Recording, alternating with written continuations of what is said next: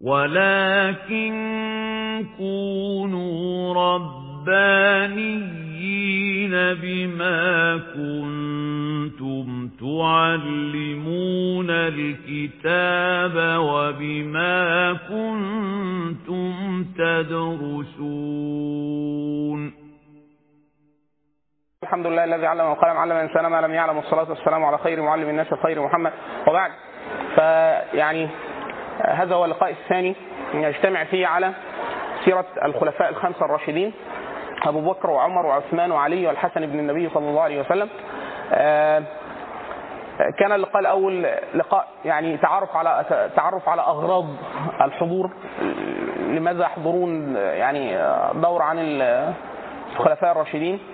فقدمنا بمقدمة تتعلق بتوصيف وضع الصحابة في الأمة وأنهم ليسوا مجرد مجموعة من البشر وإن كانوا كذلك ولكن في مجموعهم آه، يمثلون آه، الوسيط الذي انتقل به الدين إلى آه، الأمة وإلى يوم القيامة. يعني ما من أحد سيدخل على الله عز وجل إلا بالكتاب والسنة. يعني لا, لا, لا سبيل إلى الدخول على الله عز وجل إلا خلف النبي صلى الله عليه وسلم. فما أتى به النبي صلى الله عليه وسلم هو الكتاب والسنة. مصداقا لقول النبي صلى الله عليه وسلم ألا وإني قد أوتيت القرآن ومثله معه؟ فقصدا به القرآن والسنة. ولم يبلغنا القرآن والسنة إلا من خلال إلا من خلال شهادة هؤلاء العدول اللي هم مجموع الصحابة بأن هذا القرآن هو الذي بلغه النبي صلى الله عليه وسلم عن ربه وأن هذه السنة هي تبيانا لهذا الكتاب الذي بلغه النبي صلى الله عليه وسلم عن ربه. فكان لزاما على على المسلمين أن يتعرفوا تعرف دقيق على الصحابة إجمالا وعلى فقهاء الصحابة وحملة وحملة السنة ورواة الأحاديث ومن جمع القرآن على أيديهم وكتبة الوحي ومن أدوا إلينا هذه الأمانة حتى نتبين ما نحن عليه من الحق وتندفع به الشبهة ويتقرب إلى الله عز وجل بحب هؤلاء. الذين حملوا إلينا هذه الأمانة فتعرفنا في المحاضرة الأولى تعرف بسيط كحال معظم التعريفات داخل هذه الدورة لأنها دورة مختصرة سريعة. ولكن هذه الشهور شهور مباركة يعني لو كانت هذه أول خطوة إلى رمضان بالتعرف على هذه النفوس الشريفة الطيبة مثل أبي بكر وعمر وعثمان وعلي والحسن فيعني هي خطوة مباركة إن شاء الله. فعرفنا ولا بد أن نعرج في خمس دقائق حتى. عرفنا عرجنا على ذكر أبي بكر الصديق رضي الله عنه وهو عبد الله ابن عثمان ابن عامر. حد حفظ حد حاول يحفظ الاسم. هو عبد عبد الله بن عثمان بن عامر بن عمرو ابن كعب بن سعد بن تيم ابن مرة ابن كعب وهو يجتمع في هذا النسب مع النبي صلى الله عليه وسلم. فمر بن كعب هذا في نسب النبي صلى الله عليه وسلم. وتكلمنا عن زوجاته هو تزوج أربع نساء واحدة واحدة في الجاهلية وثلاثة في الإسلام. وعرجنا على أولاده وبناته وهو يكفيه فخرا وشرفا أنه له أربع أربعة من البنات عائشة رضي الله عنها زوجة النبي صلى الله عليه وسلم في الدنيا وفي الآخرة. والسيدة أسماء وهي زوجة أحد العشر المبشرين بالجنة زوجة سيدنا الزبير بن العوام والسيدة أم كلثوم التي ولدت بعد وفاة يعني يعني هو هي حملت بها زوجته سيدة حبيبة بنت الحارث بنت حارثة وتوفيت ثم ولدت له أم كلثوم فتزوجها طلحة بن عبيد الله وهو من العشر المبشرين بالجنة. فهو ده شخص يعني هو من مبشرين بالجنة وبناته واحدة اتجوزها نبي واثنين من العشرة المبشرين بالجنة ها؟ ودي يعني إيه دايما هذه النفوس الشريفة تجتمع بهذه الطريقة. ولهذه الأمة فضيلة أن آخر هذه الأمة حديث النبي صلى الله عليه وسلم أمتي كالمطر لا يدرى أولها أولها خير أم آخرها. فهذه الأمة في قد يصيب بعض من يأتي متأخر في هذه الأمة ما أصابه أول هذه الأمة. يعني في واحد يقول لك إيه يعني طب ماشي أول هذه الأمة استطاعت النساء أن تدرك أن أن تدرك أن تتزوج نبي. ممكن؟ ساعتها كان ينفع. ينفع دلوقتي؟ في في نعم هناك واحدة من على نساء أهل الأرض الآن أو من أبنائها أو من بناتها يعني سوف تتزوج نبي. عيسى ابن مريم عندما ينزل الأرض يتزوج. تزوج كسنة الأنبياء. فواحدة من بني من بنات حواء من أمة محمد صلى الله عليه وسلم يتزوجها نبي. خلاص؟ وهو صحابي. يعني ينفع واحدة تلحق تتجوز صحابي؟ نعم. فعيسى ابن مريم وهو نبي وهو من أصحاب النبي صلى الله عليه وسلم. فهو قد رآه حيا في الإسراء والمعراج. فكل من رأى النبي صلى الله عليه وسلم مسلما حيا حين حياته فهو صحابي. وهو حال عيسى ابن مريم عندما رأى النبي صلى الله عليه وسلم في الإسراء. فالتي تتزوج عيسى ابن مريم تتزوج صحابي وتتزوج نبي. ومن ناحية الفضل حديث النبي صلى الله عليه وسلم في طائفة من الأمة التي تقاتل الروم في آخر الزمان فيقول فثلث يسرون عاذنا الله وإياكم فهم آه، منافقون لا يتوب الله عليهم ابدا وثلث يستشهدون وهم خير الشهداء عند الله عز وجل. فأكيد الثلث اللي هيستشهد من الجيش ده متجوز متجوز ومخلف خلاص؟ فهؤلاء خير الشهداء عند الله عز وجل. فهذا الفضل باقي في الأمة. وثلث ده هؤلاء يمنحهم الله عز وجل أكتاف الكفار فينتصرون عليهم فلا تضرهم فتنة ابدا. فهذه الأمة الخيرية فيها دائما إيه؟ مرتبطة بوجود هذه الأمة. حتى حديث النبي صلى الله عليه وسلم أمتي هذه أمة مرحومه ومن رحمة النبي من رحمة الله عز وجل بهذه الأمة أن بعث فيهم النبي صلى الله عليه وسلم وأن بقي فيهم هذه إيه؟ الكرامة والرحمة ممتده إلى يوم القيامة. طيب ثم عرجنا على مناقب سيدنا أبو بكر الصديق وحاله في الجاهلية وهو كان من الأحناف الذين لم يسجدوا لصنم ولم يشربوا خمرا وكانوا على التوحيد إلا أنهم لا لا يدرون شريعة يتعبدون الله عز وجل بها حتى أتاه النبي صلى الله عليه وسلم فلم يتلجج. حديث النبي صلى الله عليه وسلم أنه عرض الإسلام على كل أحد فتلجج إلا أبو بكر الصديق يعني قبل قبل منه الإسلام وصدقه دون أن يشك أو يتردد. ثم آه انفاقه في سبيل الله وتحريره للرقاب المسلمه في أول الأمر ثم مواساته للنبي صلى الله عليه وسلم بماله وأهله آه، ثم جهاده مع النبي صلى الله عليه وسلم وصبره آه، في الدعوة حتى آه، أن النبي صلى الله عليه وسلم قلنا أن كان أعلم الناس به أبو بكر الصديق وأقرب الناس له أبو بكر الصديق. حتى النبي النبي صلى الله عليه وسلم يعني قال يعني يعني سدوا علينا كل خوخه الخوخة اللي هو البيت ال- الباب الصغير أو الفرجة بين البيوت إلا خوخة أبو بكر الصديق. وقال في حقه في حق نفسه شريفا النبي صلى الله عليه وسلم أن لو لولا أن نبي لولا أن صاحبكم خليل الرحمن ولو كان النبي متخذا خليلا من الناس لاتخذ أبو بكر الصديق إلا أن صاحبكم خليل الرحمن أي خليل الله عز وجل أي حبيبه ووليه. تمام؟ ثم وصلنا إلى إشارة النبي صلى الله عليه وسلم أنه آه، يعني لا لا يتصور أو لا يتقدم مسلم بعد أن يفكر ويدبر في آه، على أبو بكر الصديق في أن يخلف النبي صلى الله عليه وسلم في الأمة. ودي مسألة مهمة جدا وهي طبيعة طبيعة العلماء بعد النبي صلى الله عليه وسلم يعني وظيفة الخلافة حديث النبي صلى الله عليه وسلم كانت بني آه، كانت بنو إسرائيل تسوسهم الأنبياء، يعني كان بني إسرائيل يجب أن يرسل لهم الله عز وجل نبيا يسوسهم، أي يدير لهم شأن الدنيا بالدين. إلا أن أمة محمد صلى الله عليه وسلم لا نبي بعد محمد صلى الله عليه وسلم، فهذه الأمة هي تبع للعلماء الذين هم ورثة النبي صلى الله عليه وسلم.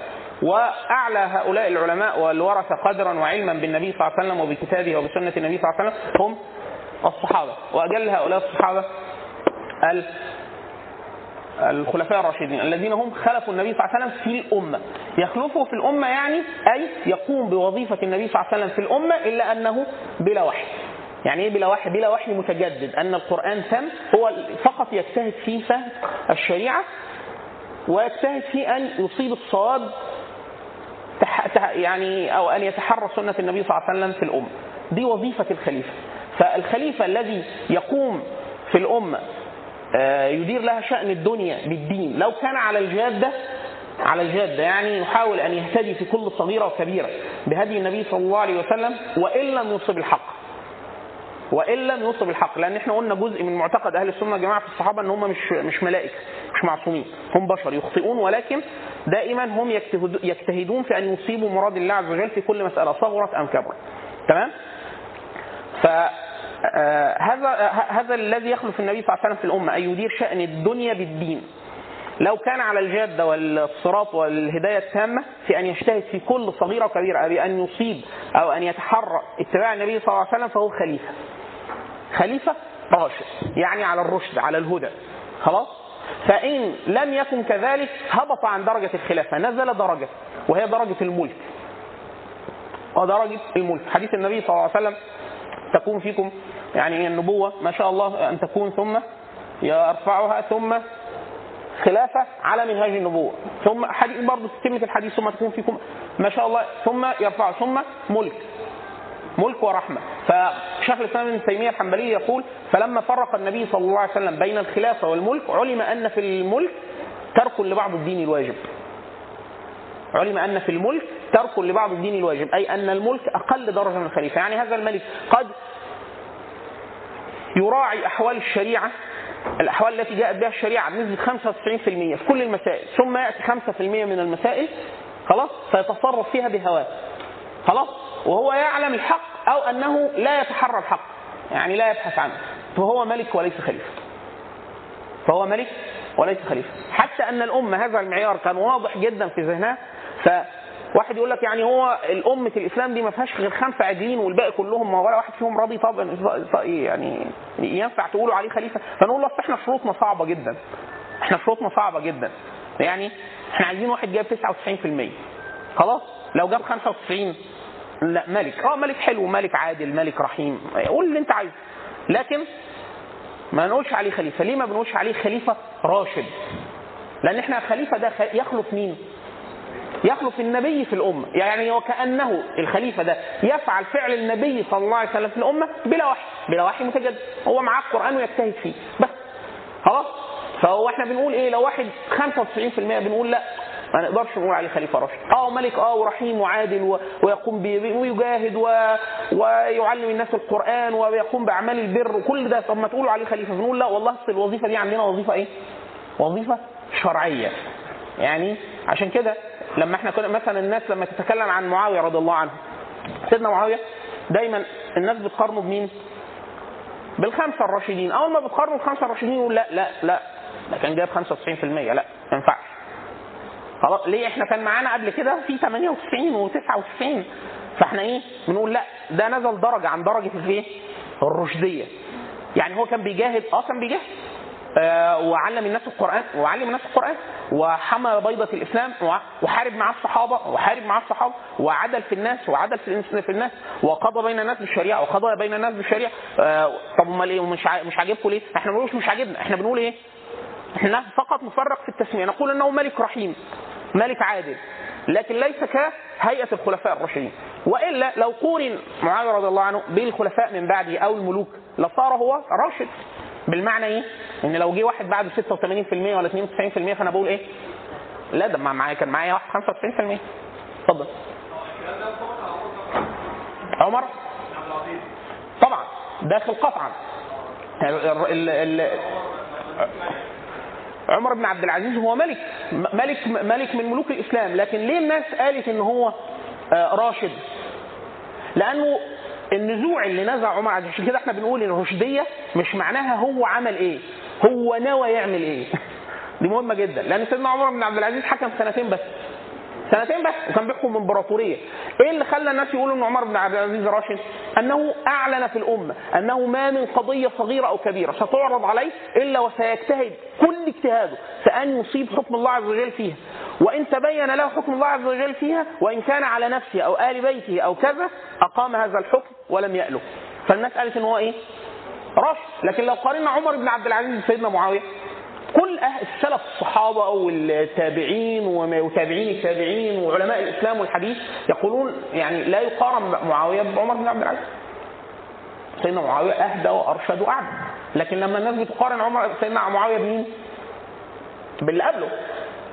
آه فسيدنا معاويه مثلا جايب 95% فبيقارنوا بالراشدين الراشدين 99 97 فبيحسوا بإيه؟ فارق رهيب جدا. لكن عمر بن عبد العزيز كانوا الخلفاء ماشيين 80 و82 راح جه هو جايب 92 93 فالناس قالت إيه؟ رشد. هي نسبية. طبعا لكن هي فكرة النزوع. يعني عمر بن عبد العزيز أنه عزم هذا العزم أمام الناس. يعني واحد من بيت الخلافة مش من بيت الخلافة نفسه آه، أهل بيته بنت خليفة بنت ما كل مسلم غير مسلم هيطبق هذا المبدأ على كل الناس. فلما أعلن هذا المبدأ المع- ال- ال- المبدأ قال الناس أن هذا هو سمت الخلافة الراشدة. هذا هو سمت الخلافة الراشدة. تمام؟ وإحنا ده هن- هنقوله في يعني كل فترة هنبني على هذا المفهوم حتى نتبين لما أطلق الناس على هؤلاء. خصهم الناس من دون ناس بالذكر أنهم هم الخلفاء الراشدين. ليه؟ ده ه- هنجيبه وإحنا ماشيين تمام؟ ثم قام أبو بكر الصديق رضي الله عنه في آه، بعد النبي صلى الله عليه وسلم بحفظ ال- الإسلام على الأمة بأنه الناس انقسمت إما مدعي نبوة إما حديث عهد الإسلام فاستخفه ال- المرتدون فارتد عاد إلى الجاهلية وإما آه، ملك ادعى نبوة أو آه آه، زي ملوك عمان وكذا ملوك البحرين أو مسلم ويريد أن يفهم الإسلام فهم ليس الفهم الذي تركه النبي صلى الله عليه وسلم. يقول والله إحنا هنسلم هناخد الإسلام كله إلا الزكاه بس إلا الزكاة فقط. خلاص؟ فكان أبو بكر الصديق خليفة النبي صلى الله عليه وسلم في الأمة. أنه قام مقام النبي صلى الله عليه وسلم. أنه لا وجود للإسلام إلا مكتمل تام كما أنزله الله عز وجل. فقام أبو بكر بدور النبي صلى الله عليه وسلم في الأمة. أن حفظ عليها الدين. حديث حديث أبو بكر الصديق لعمر بن الخطاب لما يعني أراد أن يثني عن قتال العرب وكذا فقال له يعني أجبار في الجاهلية خوار في الإسلام فوالله لو منعوا لي عقال بعير كانوا يؤدونه إلى رسول الله صلى الله عليه وسلم لقاتلتهم عليه والله لاقاتلن من فرق بين الصلاة والزكاة. فهذا المبدأ هذا هذه كلمة أبو بكر هذه هذه هي معنى الخلافه. هو كلام سيدنا أبو بكر الصديق يقول أينقص الدين وأنا حي؟ وكأن وظيفه النبي صلى الله عليه وسلم في الأمة أنه لا ينقص الدين والنبي حي، طب النبي ليس على قيد الحياة، طب من يحفظ الأمة؟ خليفة النبي صلى الله عليه وسلم. تمام؟ فهو ده ده, مكان أبو بكر الصديق، تمام؟ فلما أبو بكر الصديق يعني خمدت الفتنة لمدة ست شهور كان أبو بكر الصديق يخرج البعوث والرايات لا يهدأ كل من علم أنهم إما منعوا الزكاة أو اتبعوا نبي كاذب أو كذا هو أخرج يمكن عشرين راية ولا بعث. أولهم بعث أسامة. كان النبي صلى الله عليه وسلم عقد لواء أسامة.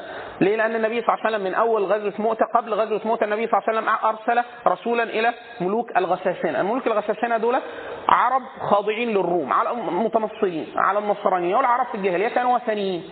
خلاص؟ فالنبي صلى الله عليه وسلم أرسل رسولا الغساسنه فقتل. فالنبي صلى الله عليه وسلم يعني انتقاما وثأرا لهذا لصاحبه هذا أو الرسول الذي قتل أرسل جيش. اللي هو جيش الصحابة في مؤته هذا الجيش لما ذهب فوجئ به حضور جيش كبير جدا للروم فقتل جميع قادة هذا الجيش حتى قام فيهم خالد بن الوليد من غير إمارة. يعني لم يؤمروه ولكن هو رأى أن يحمل الراية بعد قتل جميع الأمراء الذين أمره النبي صلى الله عليه وسلم ثم انسحب بالجيش انسحاب حفظ به أرواح الناس وحمده له النبي صلى الله عليه وسلم.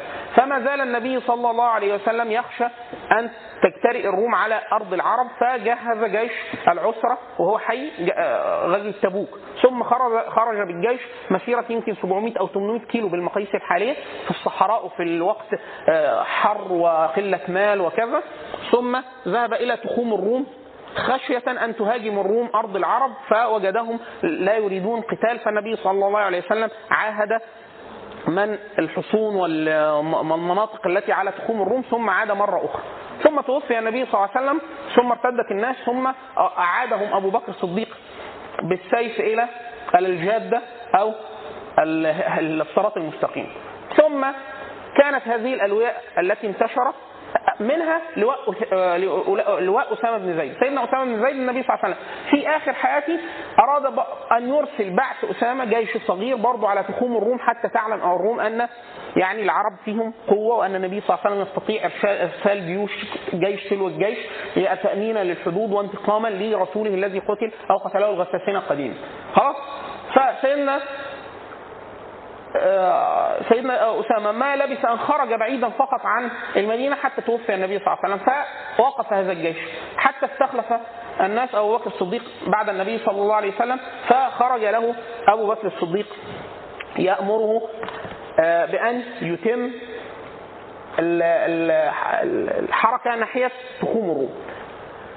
كثير من الصحابة على رأسهم عمر بن الخطاب أرادوا أن يثنوا سيدنا أبو بكر الصديق على أن لا يرسل بعث أسامة، ليه؟ المدينة محاصرة من قبل المرتدين، هوجمت مرتين في أول الأمر، آه، كثير من العرب ارتدت وليست على العهد، فيخشى على جيش أسامة أصلا وهو يتحرك وسط العرب أن تنقض عليه هذه القبائل العربية.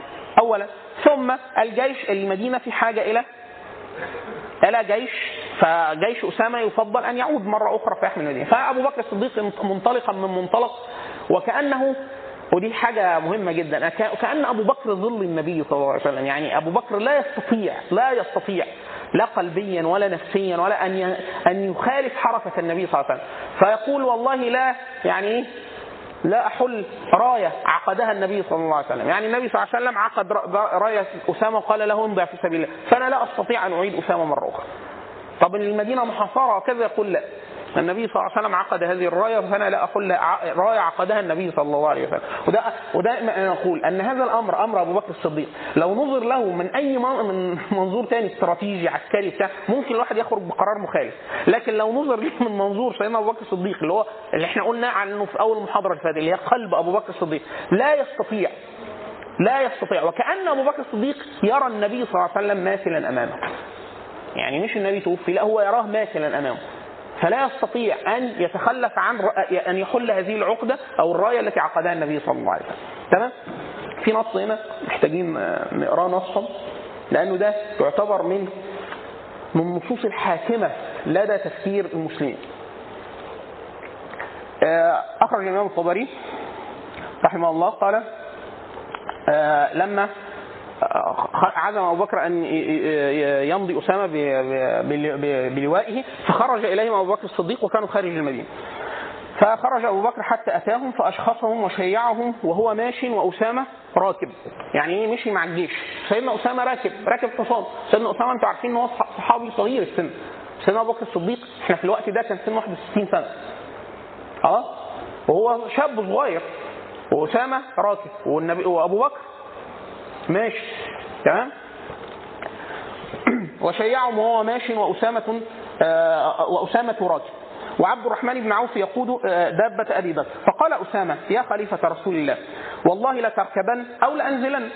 يعني إما تركب يجيبوا لك حصان تركبه وتمشي جنبي يا إما ننزل ما ينفعش. ما ينفعش هو ده راكب وده ماشي. فقال أي أبو بكر الصديق رضي الله عنه والله لا تنزل والله لا أركب. لا أنت هتنزل ولا أنا هركب. وما علي أن أغبر قدمي في سبيل الله ساعة فإن للغازي بكل خطوة يخطوها 700 حسنة تكتب له و700 درجة آه، ترفع له وترفع عنه 700 خطيئة. حتى إذا انتهى من كلام قال إن رأيت أن تعينني آه، بعمر فافعل. سيدنا أسامة قال له إيه؟ يا ريت تجيب لي مين؟ أبو بكر سيدنا عمر معايا. فأذن له قال له خد عمر بن الخطاب معاك كمان في الجيش. ده هيبقى في مين؟ في إمارة مين؟ في إمارة أسامة. حتى أن عمر بن الخطاب لما آلت إليه الخلافة وهو خليفة فكان إذا رأى أسامة بن زيد قال له السلام عليك يا أمير المؤمنين. فسيدنا أسامة يقول تقول ذلك لي يا أمير المؤمنين؟ طب هو مين اللي امير الثاني؟ يقول لا مات رسول الله. بص أبو بكر وعمر. الثاني مش قادر يحل الراية التي عقدها النبي صلى الله عليه وسلم. فعمر بقى خليفه المسلمين. يشوف سيدنا أسامة يقول له السلام عليك يا أمير المؤمنين. سيدنا أسامة يقول له يعني ليه يا أمير المؤمنين؟ فيقول نعم. توفي النبي صلى الله عليه وسلم وأنت أميري. يعني النبي جعلك أميري قبل أن يموت. فما أستطيع أن ألقاك ولا ألقبك بالإمارة. وقد أمرك النبي صلى الله عليه وسلم علي. فأقول السلام عليك يا أمير المؤمنين. تمام؟ فان تعينني. بعمر فافعل فأذن له. ثم قال هي دي بقى محل الشاهد. وصيه أبو بكر لجيش أسامة. ثم قال أيها الناس قفوا أوصيكم بعشر. فاحفظوها عني. يعني سيدنا أبو بكر الصديق هيضع لهم إيه ميثاق؟ دول ده خارجين يقاتلوا. فعايزين نشوف بقى المسلمين بيخرجوا يقاتلوا ليه. تمام؟ قال لا تخونوا ولا تغلوا ولا تغدروا ولا تمثلوا.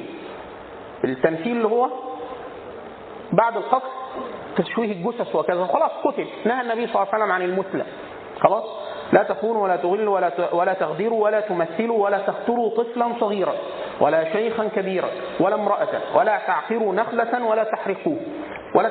ولا تعقروا نخلا ولا تحرقوه ولا تقطعوا ولا تقطعوا شجرة مثمرة ولا تذبحوا شاة ولا بقرة ولا بعيرا إلا لمأكله يعني تذبح عشان تاكل مش تذبح عشان تفسد في الأرض أو تخرب أو كده. خلاص؟ وف- وسوف تمرون بأقوام قد فرغوا أنفسهم في الصوامع. اللي هي دور العباده من النصارى واليهود فدعوهم وما فرغوا أنفسهم له. وسوف تقدمون على قوم يأتونكم بآنية فيها ألوان الطعام فإذا أكلتم منها شيئا بعد شيء فاذكروا اسم الله عليه. يعني أنت رايح في أي حتة يضبطك ضابط إن أنت هتاكل خلاص يهودي نصراني أنت أكله حلال بالنسبة لك خلاص. فأنت إيه؟ تسمي اسم الله عز وجل عليه. وتلقون أقواما قد فحصوا أوساط رؤوسهم رؤوسهم وتركوا حولهم مثل العصائب. يعني دول وكأنهم على هيئتهم هيئة المقاتل. يعني دول ناس بقى ده جاي يقاتل. فاخفقوهم بالسيف بالسيف خفقا. اندفعوا بسم الله. خلاص؟ فهو سيدنا أبو بكر الصديق مين اللي هيحاربوه بقى؟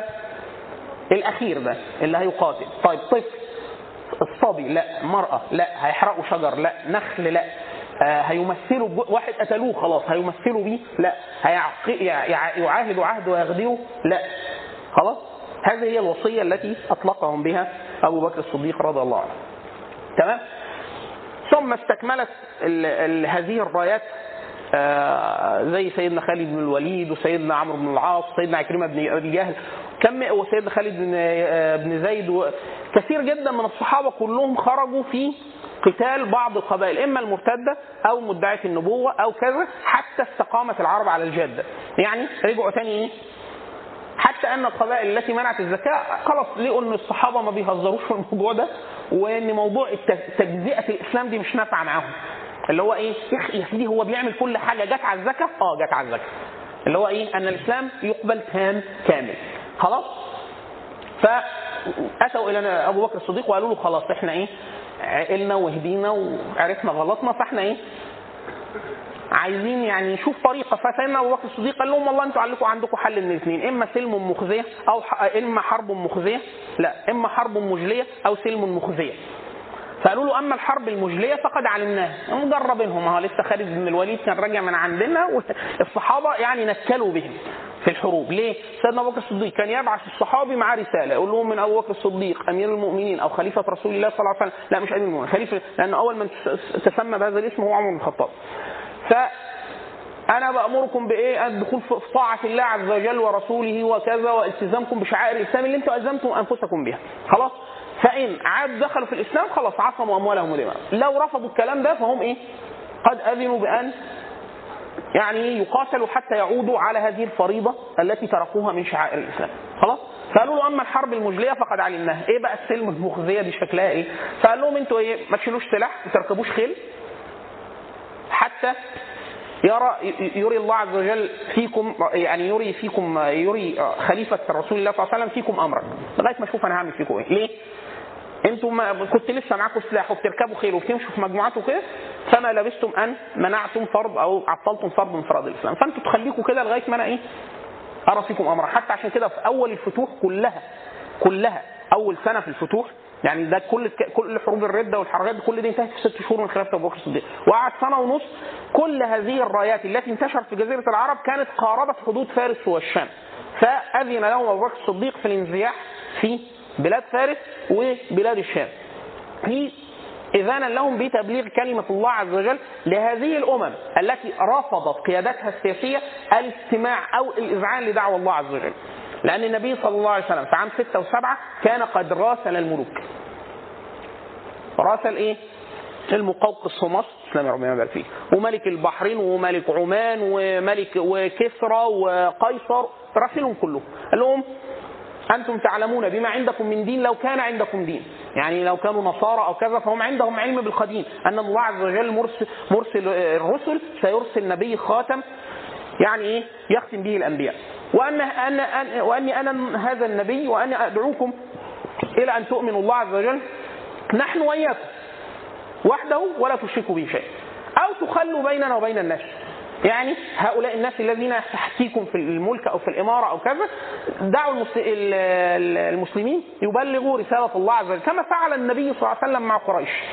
يعني أبلغ الرسالة لا. طب أنتوا تأمنوا؟ لا. طب خلاص مش ما تأمنوش. خلاص. أنا أبلغ رسالة الله عز وجل فمنعوه. فلجأ إلى من يحميه بالسيف ثم بلغ رسالة الله عز وجل. تمام؟ فكذا أراد أن يفعل خليفة رسول الله صلى الله عليه وسلم مع الناس. فبدأ الصحابة في الانزياح في العراق وفي الشام. هنا في نقطة مهمة جدا. بسبب الواقع المعيشي اللي إحنا بنعيشه كمسلمين لينا 200 300 سنة وكذا ان دائما في حالة اللي هي بيسموها الحالة الاعتذارية عن الإسلام. الاعتذارية عن الإسلام. يعني إيه مثلا؟ واحد مسلم فواحد غير مسلم تحت أي ملة، أي ملة؟ نصراني يهودي بيعبد أرانب بتاع أي حاجة. يقول له أنتوا أنتوا المسلمين ده أنتوا جوزوا أربع ستات وحقوق المرأة وبتاع. فالمسلم بدل ما يقول له إيه؟ يرد عليه رد مختلف. يرد عليه بتاع يقول له لا استنى أنا أفهمك. لا إحنا ما إحنا في مصر بنتجوز واحدة بس والستات أصلا تسمح لنا إن إحنا نتجوز أكثر من واحدة في مصر. مش ممكن. ويقعد يعتذر ويتفلت عن إيه؟ خلاص. يقول له أنتوا أنتوا أنتوا ليه ليه الستات بتلبسوا حجاب؟ وده ده ده, ده عنف ضد الست. خلاص؟ والراجل يقول له لا لا لا مش عنف، على فكرة الست بتبقى شكلها أحلى بالحجاب وبتاع سكة ثانية خالص، هو هو ربنا أمر الست إن هي عشان هي بالحجاب بتبقى أحلى أو أوحش؟ ولا هو ده أمر شرعي تعبدي؟ خلاص؟ يقول له لا لا أنت مش فاهم، لا ده ده أحياء ده إحنا عندنا بيوت أزياء زي ما عندكم بالظبط للمحجبات. خلاص؟ فاللي هو إيه؟ اللي إحنا بنسميه الروح الاعتذارية. الاعتذارية اللي هو إيه؟ لا ما إحنا مش كده. الإسلام ما فيهوش كده. بالرغم إن هو بيبقى فيه كده. خلاص؟ من أجل هذه القضايا قضية إيه؟ لما خرج المسلمون وعلى رأسهم أصحاب النبي صلى الله عليه وسلم من الجزيرة إلى فارس وروم. خلاص؟ الإجابة حاليا بتبقى إيه؟ في التاريخ المعاصر بتبقى إيه؟ إني والله إحنا في الإسلام ما فيهوش غير إن إحنا إحنا لا نحارب إلا إذا اعتدي علينا. خلاص؟ دي مسألة لا نحارب إلا إذا اعتدي علينا. خلاص؟ فإذ فلما اعتدي على المسلمين والصحابة فهم خافوا فخرجوا يؤمنوا مدينة النبي صلى الله عليه وسلم من هجوم الروم وفارس. فهاجموهم وهم بيهاجموهم الإمبراطورية وقعت ما كانش قصدهم. آه يعني هم كانوا ما كانوش قصدهم يعني هم كانوا هيحاربوا وقعت القضاء قدر خلاص؟ فاحنا بنقول إيه؟ اللي عارف اللي عارف شكل الخريطة الجغرافيا شكلها إيه؟ الجيوش دي طلعت من المدينة. خلاص؟ في خلافه عمر بن الخطاب سيدنا عمرو بن العاص دخل برقة في ليبيا. عشان يأمن المدينة؟ يعني هو عدى عدى البحر يعني عدى عدى الخليج عدى الخليج وخد مصر بالعرض. والسلوم ومرسى مطروح وراح مكمل خد إقليم بقى عشان يأمن المدينة؟ ده واحد. اثنين وقع امبراطورية فارس كلها عشان يأمن المدينة؟ فارس دي العراق وإيران وأرمينيا وأذربيجان وداخلة على السند إحنا كنا رايحين على الصين فضلتك. خلاص؟ فهي دي واحد. مش الموضوع بيقولوا بالعكس. بيقول أن هذه الأمة لها دين وأنها خليق تخلف النبي صلى الله عليه وسلم في الأمة. فتريد أن تبلغ هذه الرسالة. فالأمم التي استمعت لهذه الرسالة مش آمنت. إحنا مش عايزين على فكرة نجبر الناس على الإسلام. أو حتى النبي صلى الله عليه وسلم رب العزة قال له كده في القرآن في غير موضع. يقول له إيه؟ هو أصلا رسالة النبي صلى الله عليه وسلم إن الناس كلها تآمن؟ لا إن هو ينذر الناس. بس. طب الناس لو سمعت هذه النذارات والآيات ولم تؤمن. خلاص؟ لا إكراه في الدين قد تبين الرشد من الغي خلاص مش عايز يآمن يا سيدي. سمع منك كل ده. يعني اليهود اللي مكثوا مع النبي صلى الله عليه وسلم في الجزيرة وفي العربية وكذا ونصارى نجران ونصارى العرب وكذا دول قعدوا على ملتهم قاعدين ح- مش عايز يغير دين. خلاص ما تغيرش دين. آه بس هو سمع الرسالة؟ آه. وعاها؟ آه. لم يمنعه مانع من الدخول لا ملك قاهره ولا آه، جيش يمنعه من سماع دعوة الإسلام ولا يعذبه إذا أراد أن يسلم وكذا. آه. بس خلاص. لو تحقق هذا الشرط يبقى إحنا كده خلوا بيننا وبين الناس يبقى الناس سامعه طب مش سامعه أو أنا كمسلم مش آمن في هذه الديار. لهذا شرع الجهاد. خلاص؟ اللي هو إحنا بنسميه نوعين من الجهاد. جهاد طلب جهاد دفع. جهاد الدفع ده أن يعتدى على أراضي المسلمين فيدفع المسلم عن أرضه ودينه وعرضه. طب وأن يطلب؟ أن يطلب ان هو أرض لا يستطيع المسلمون الدخول بأمان أو سلام فيه أو إبلاغ رسالة الله عز وجل لأهل هذه المحل فهم بيعرضوا على الناس عروض. ان هم يدخلوا بسلام لو مش قادرين يدفعون جزء لأن المسلمين مش. مش مش بل العكس كنت أنا هقول إن هم مش دائما الأقوى لا بالعكس في الغالب الأضعف لأن يغلب على الأرض الكفر مش الإسلام يعني النبي صلى الله عليه وسلم توفي ولم يدخل في الإسلام إلا الجزيرة العربية الباقي كله كفار الحبش والصينيين والهنود واليابانيين وال... كل ده كفار خلاص طيب العرب في الفتوح النبي سيدنا أبو بكر الصديق وعمر وغيره كم واحد جيوش الصحابة لم يجتمع المسلمين في غزوة في الفتوح الأولى 35000 36000 الجيوش اللي كانت تحاربه 200000 300000 وكذا. فشبهة إن المسلمين كانوا مثلا يعني إيه داخلين أجبروا الناس على حاجة أجبروا منين؟ يعني المسلم ده اللي هم 30000 ال 30000 دول فتحوا شمال أفريقيا كله أسقطوا فارس وأسقطوا الروم. هو مش جيش سوبر يعني مش مش مش متحولين هم ولا خارقين ولا كذا. لا هو ناس بتحمل دعوة ومؤيدين من قبل الله عز وجل وهذا الأمر أو التأييد ليس حكرا على هذه الطبقة الأولى. كل من جاهد في سبيل الله نصره الله عز وجل في أي مصر وفي أي إيه؟ عصر. فدي جزء مهم جدا. إن هي فكرة الناس أحيانا بتعتذر عن بعض إيه؟ ال ال ال الأحداث اللي هيقول لك لا أصل ما كانش قصدهم أصل هي إيه؟ كان دفاعا عن المدينة وبتاع. فإحنا بنقول الكلام ده مش دقيق قوي إن لم يكن مش دقيق خالص. خلاص؟ استكمالا للفتوح سيدنا أبو بكر الصديق كان أبو بكر الصديق يرى الا يشارك في هذا الفتح من ارتد من العرب. يعني الناس اللي منعت الزكاة دي رجعت في كلامها خالص وأذعنوا سيدنا أبو بكر الصديق قالوا له لا خلاص إحنا كنا فاهمين الإسلام غلط وهندفع الزكاة لأن هم كانوا بيصلوا بيصوموا بيحجوا بيعملوا كل حاجة بس مش عايزين يدفعوا الزكاة. فقال لهم لا الإسلام كله على بعض دول. لا أقاتلكم. ودي مهمة جدا برضو إن في فرق في الإسلام بين القتال والقتل. إن أنا أقاتل واحد مش معناه إن هو أنا أصلا عايز أقتله. أقاتله يعني أدفعه. يعني إيه؟ أحمله على أن يعود فيما أراده. اللي هو إيه؟ اللي هو منع الزكاة وكذا. فإن عاد لا يقتل. خلاص. لأن أنا كنت مش بقتله على الكفر. أنا بقتله على الامتناع عن هذه الشعيرة. لأن المبدأ ده واسع جدا. الإمام أبو حنيفة يقول لو امتنع أهل مصر بلد عن الأذان أو الإقامة قوتلوا حتى يقيموا الشعيرة. بالرغم إن ده مش فريضة. يعني الانسان تصح صلاته من غير الأذان والإقامة. طب أفرض أهل بلد قالوا له إحنا مش هنصلي بس مش هنأذن ومش هنقيم. يقا... أمير المسلمين يقاتل أهل هذه المحلة حتى يذعنوا ليه؟ ليه؟ يعني دي شعيرة من شعائر الإسلام. هو مش بمزاجك. معنى الإسلام أن تستسلم لله عز وجل. فإن أنت تقول لي أنا معلش أنا هفصل الإسلام نسخة بتاعتي أنا. لا ده مش مقبول. طب الراجل ده كافر؟ لا. يقاتل حتى يذعن بالإسلام. يقاتل يعني أقتله؟ لا. بقاتله يعني بدفعه. فإن اندفع خلاص. ان اندفع يعني امتنع عن ما كان يريده من مخالفة لشرع الله عز وجل وكذا خلاص. يعني ترك. فكان سيدنا أبو بكر الصديق مش عايز الناس دي تقاتل في الفتوح لأن كانت الفتوح دي المفروض لغرض شرعي. فهؤلاء الناس لسه كانوا بيحاربوا على منع الزكاة فأكيد مش هم اللي هيحملوا الناس على إيه؟ ممكن هم يحملوا الناس على ال- ال- ال- الإسلام وكذا آه لأن الإسلام فيه توبة. ممكن الواحد يرى شيء من الباطل بل من الكفر. زي الصحابة. كانوا على الكفر بل على عداء النبي صلى الله عليه وسلم. ثم هداهم الله عز وجل فتابوا فقاتلوا مع النبي صلى الله عليه وسلم بعد أن كانوا يقاتلون ضد النبي صلى الله عليه وسلم. فالقلوب بين أصابع الرحمن يقلبها كيف يشاء. فده ممكن. خلاص؟ لكن سيدنا أبو بكر الصديق رأى أن ينظر فيهم حتى يعلم من فيهم إيه؟ على الجادة ومن منهم يبدل وكذا.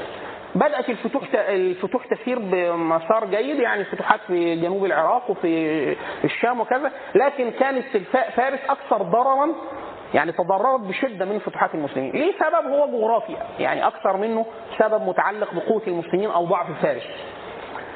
الروم الإمبراطورية كلها كانت في أوروبا وبعض أملاك الروم كانت في مصر شمال مصر وشمال ليبيا وتونس والشام. فدي ممتلكات خارج أوروبا. تمام؟ الفرس ير- يربطهم بين العرب وبين بينهم وبين العرب بر أرض. خلاص؟ فهذه الأرض كل الإمبراطوريات التاريخية اللي كانت بتهدد فارس هم الروم أو الصين جنبهم. فالحصون بتاعتهم يا إما الناحية دي يا إما الناحية دي. الأرض اللي بينهم وبين العرب دي إيه؟ أرض مفتوحة اللي هي أرض السواد بدون حصون. فسيدنا خالد بن الوليد وسيدنا المثنى والصحابة اللي هم قيادات العرب المعدودة لما تحركوا في مساحة فاضية فيعني فعلوا الأفاعيل بالفرس. ليه؟ كان بيخش عارف إن المنطقة دي فيها 11 سوق. في خلال ثلاث شهور في أسواق. يروح يخرب لهم كل الأسواق دي. خلاص؟ ليه؟ لأن هو أصلا في حالة حرب معاهم أصلا من قبل ذلك. اللي هي فكرة إيه؟ إما أن تذعنوا وتدخلوا في الإسلام إما وإما. يعني إما تذعنوا في الإسلام خلاص فلكم ما لكم إحنا بعت لكم حد يعلمكم الإسلام واللي ملك اللي مالك عندكم يفضل ملك زي ما هو. النبي صلى الله عليه وسلم جعل الملوك الذين أسلموا على على ملكهم. ودي سنة في الإسلام إن هو أنت قبلت الإسلام؟ آه أنا مش عايز منك حاجة. أنا بس هبعت لك واحد يقول لك الإسلام ده بيعمل إيه؟ إيه المطلوب منك؟ إيه مراد الله عز وجل؟ طب مش هتسلم؟ ما أقدرش ادفعك جزيه خلاص سيبني أدعو الناس عندك أتحرك. قادر ادفعك جزيه أجبرك إن أنت تؤمن المسلمين وأبقى ضامن إن أنا هذه الأرض لن اؤتى من قبلها وكذا ينفع. لا ينفع ده ولا ينفع ده خلاص. لو قادر أجاهد خلاص. يبقى مش قادر خلاص. ما جعل الله عليكم من حرج. لو مش قادر. تمام؟ فهذه المساحة المفتوحة بدون خصوم طبعا مع وجود واحد زي سيدنا خالد الوليد وسيدنا المثنى وكذا هذه المساحة كان فيها حركة ضخمة جدا جدا جدا من ال- ال- القتال الواسع. هذه المعارك مع بدايتها وبداية المعارك في الشام توفي سيدنا أبو بكر الصديق رضي الله عنه.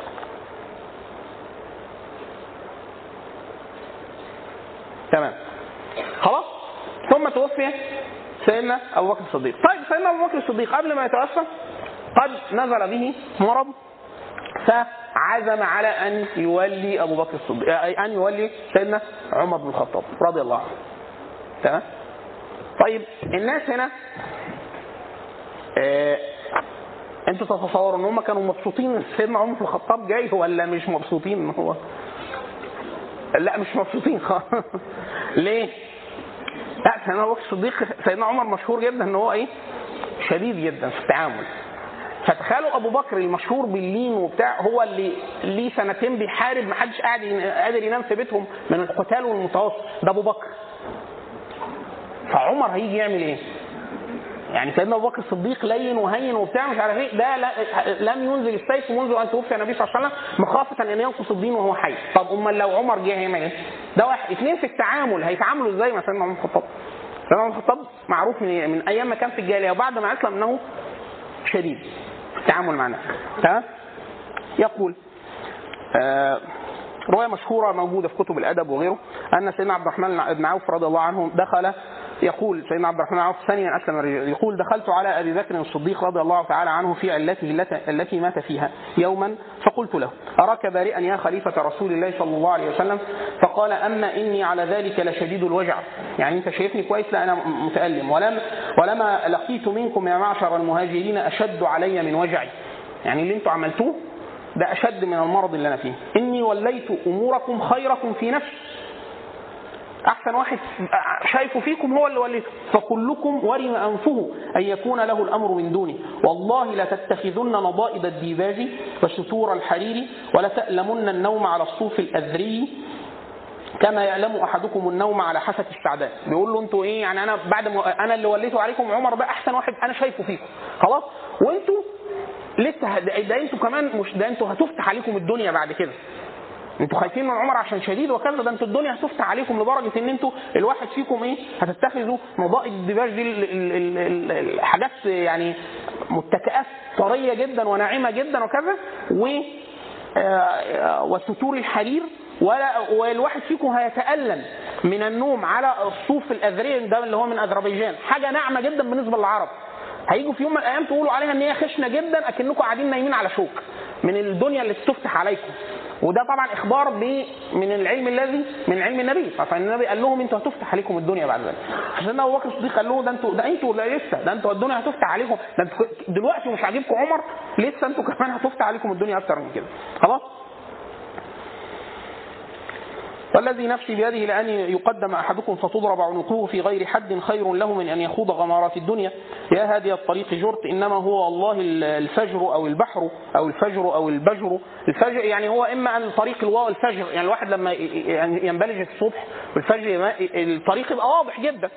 أو البجر اللي هو الظلام أو الشدة أو البحر اللي هو ال- الاختلاط والهلكة وعدم التباين وكذا. بيقول لهم هو حاجة من الاثنين. يا إما طريق واضح سليم يا إما أمور مختلطة مثل البحر أو أو سواد الليل أو كذا. فقلت خفض عليك يا خليفة رسول الله فإن هذا يهيضك إلى ما بك أي يضعفك. فوالله ما زلت صالحا مصلحا لا تأس على شيء فاتك من أمر الدنيا ولقد تخليت بالأمر وحدك فما رأيت إلا خيرا. يعني بيقول له إيه يعني هو عمر كويس يعني برضه مش تمام؟ هنا بقى مهمة جدا. سيدنا عمر الخطاب سيدنا أبو بكر الصديق ولى عليهم عمر. ولى عليهم عمر عشان إن هو ضامن 100% عمر هيعمل إيه؟ لا. هو بيقول إيه؟ أنا ما أعرفش من عمر في في فعله مع النبي صلى الله عليه وسلم وإسلامه وكذا وما رأيت منه في الدنيا إلا حسن أمر حسن. خلاص؟ طب افرض هو بدل أو غير بعدي أنا ما أعرفش الغيب. ده واحد. اثنين عمر ده مش ملك. ثلاثة مفيش واحد مفوض في هذه الأمة أن افعل ما شئت فقد يعني إيه؟ فقد عصمت من الخطأ يمينا ويسارا. مفيش حد كده ولا حتى أصحاب النبي صلى الله عليه وسلم. أبو بكر الصديق رضي الله عنه هذه وصية أبو بكر الصديق الذي تركها في الأمة بعد أن استخلف عمر وهو استخلف خير الناس في نفسه بيقول إيه؟ بسم الله الرحمن الرحيم. هذا ما عهد به أبو بكر خليفة محمد رسول الله صلى الله عليه وسلم. اللي كانوا بيسألوا على فكرة الخلاف أنه كان يعلم أنه خليفة النبي في الأمة أي مستخلف يقوم بدور النبي في الأمة. خلاص؟ فهذا ما عهد به أبو بكر خليفة محمد رسول الله صلى الله عليه وسلم عند آخر عهده بالدنيا وأول عهده بالآخرة في الحال التي يؤمن فيها الكافر ويتقي فيها الفاجر. اني استعملت عليكم عمر بن الخطاب فإن بر وعدل فذلك علمي به ورأيي فيه. يعني العمل كده هو ده اللي أنا متوقعه. وإن جار وبدل فلا علم لي بالغيب والخير أردت ولكل امرئ ما اكتسب وسيعلم الذين ظلموا أي منقلب ينقلبون هذا الكلام يقال في عمر. في عمر. يقول أنا يعني الحال اللي أنا كنت شايف فيها الدنيا شكله كان كويس ومش منافق ولا كذا. لو بدل. آه ما أعرفش وربنا هيحاسبه تمام النص... ثم ننتقل للكلام عن عمر بن الخطاب رضي الله عنه. الشاهد أن عمر عمر بن الخطاب بعدله وسابقته مع النبي صلى الله عليه وسلم وجهاده ومناقبه وأنه ممن بشرهم النبي صلى الله عليه وسلم في وجهه.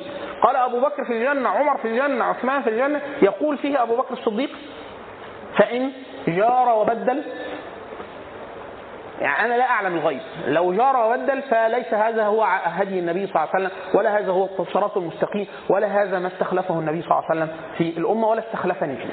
تمام؟ هي فكرة دي مهمة جدا في اعتقاد أهل السنة أن لا معصوم غير النبي صلى الله عليه وسلم. بعد يقول لك طب أبو بكر الصديق طب عمر طب ما فيش. المعصوم النبي. أبو بكر وعمر يعني يجوز عليهم الخطأ وكذا؟ آه يكون غلب هو غلب الظن واجتهاده اديته لكذا بس ممكن يكون خطأ. ممكن أبو بكر يعمل حاجة غلط؟ ممكن. عمر ممكن يكون يعمل حاجة غلط؟ ممكن. طب وإحنا دورنا إيه؟ أنه كما قال عمر بن الخطاب اجتهد مرة في أمر وكان فيه نص ولا يعلمه عن النبي صلى الله عليه وسلم. واحد قال له لا ده النبي قال كذا كذا. قال ردوا الجهالات إلى السنة أي رأي عمر. ردوا الجهالات إلى السنة. يعني من جهل سنة النبي صلى الله عليه وسلم فسنة النبي صلى الله عليه وسلم قاضية على رأي كل أحد كائن من كان في هذه الأمة. خلاص؟ كفعل ابن عبد الله بن عمر رضي الله عنه ابن عمر بن الخطاب أتاه رجل وهو محتبي في الكعبة وقال له ما تقول في التمتع بالعمرة مع الحج؟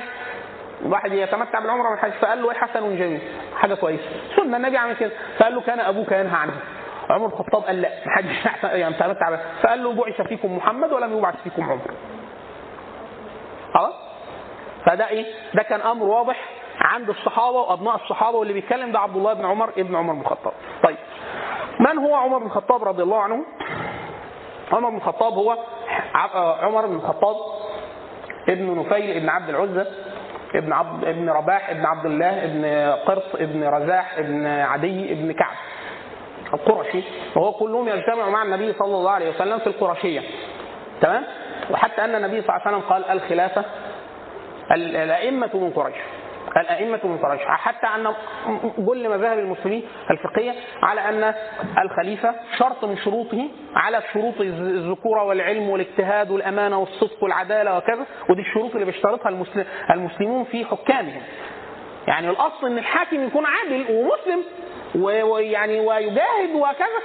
لو بقي راشد يبقى حاجة جميلة جدا. لو ما بقيش راشد يبقى إيه؟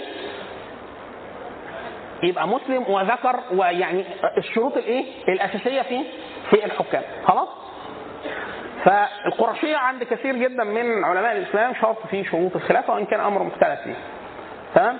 سيدنا عمر بن الخطاب رضي الله عنه آه شهد النبي صلى الله عليه وسلم قبل الإسلام ثم رآه لما آه نبئ أو صار نبيا فرفضه وعاداه. تمام؟ رفضه وعاداه.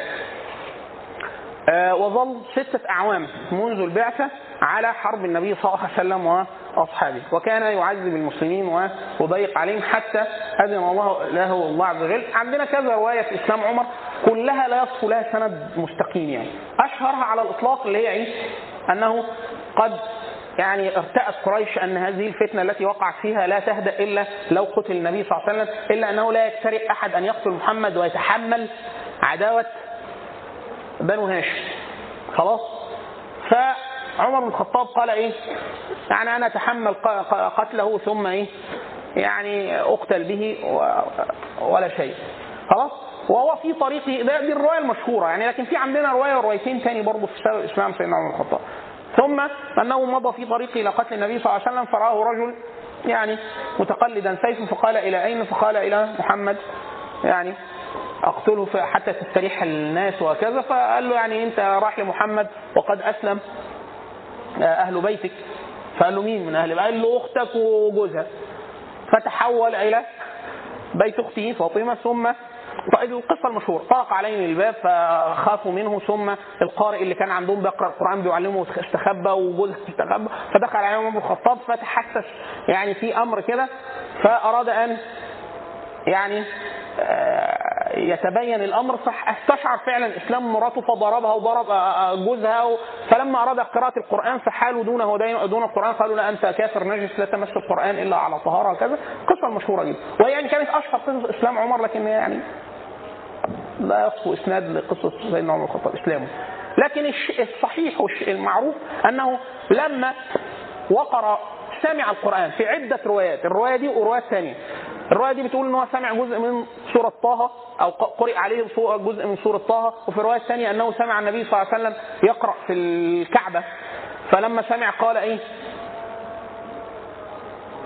قال شاعر. فالقرآن رد عليه يعني الآية التي كان يقرأها النبي صلى الله عليه وسلم وما هو بقول الشاعر وما هو يقول كاهن فاستشعر عمر الخطاب أن هذا الخطاب خطاب من السماء له في رواية أخرى.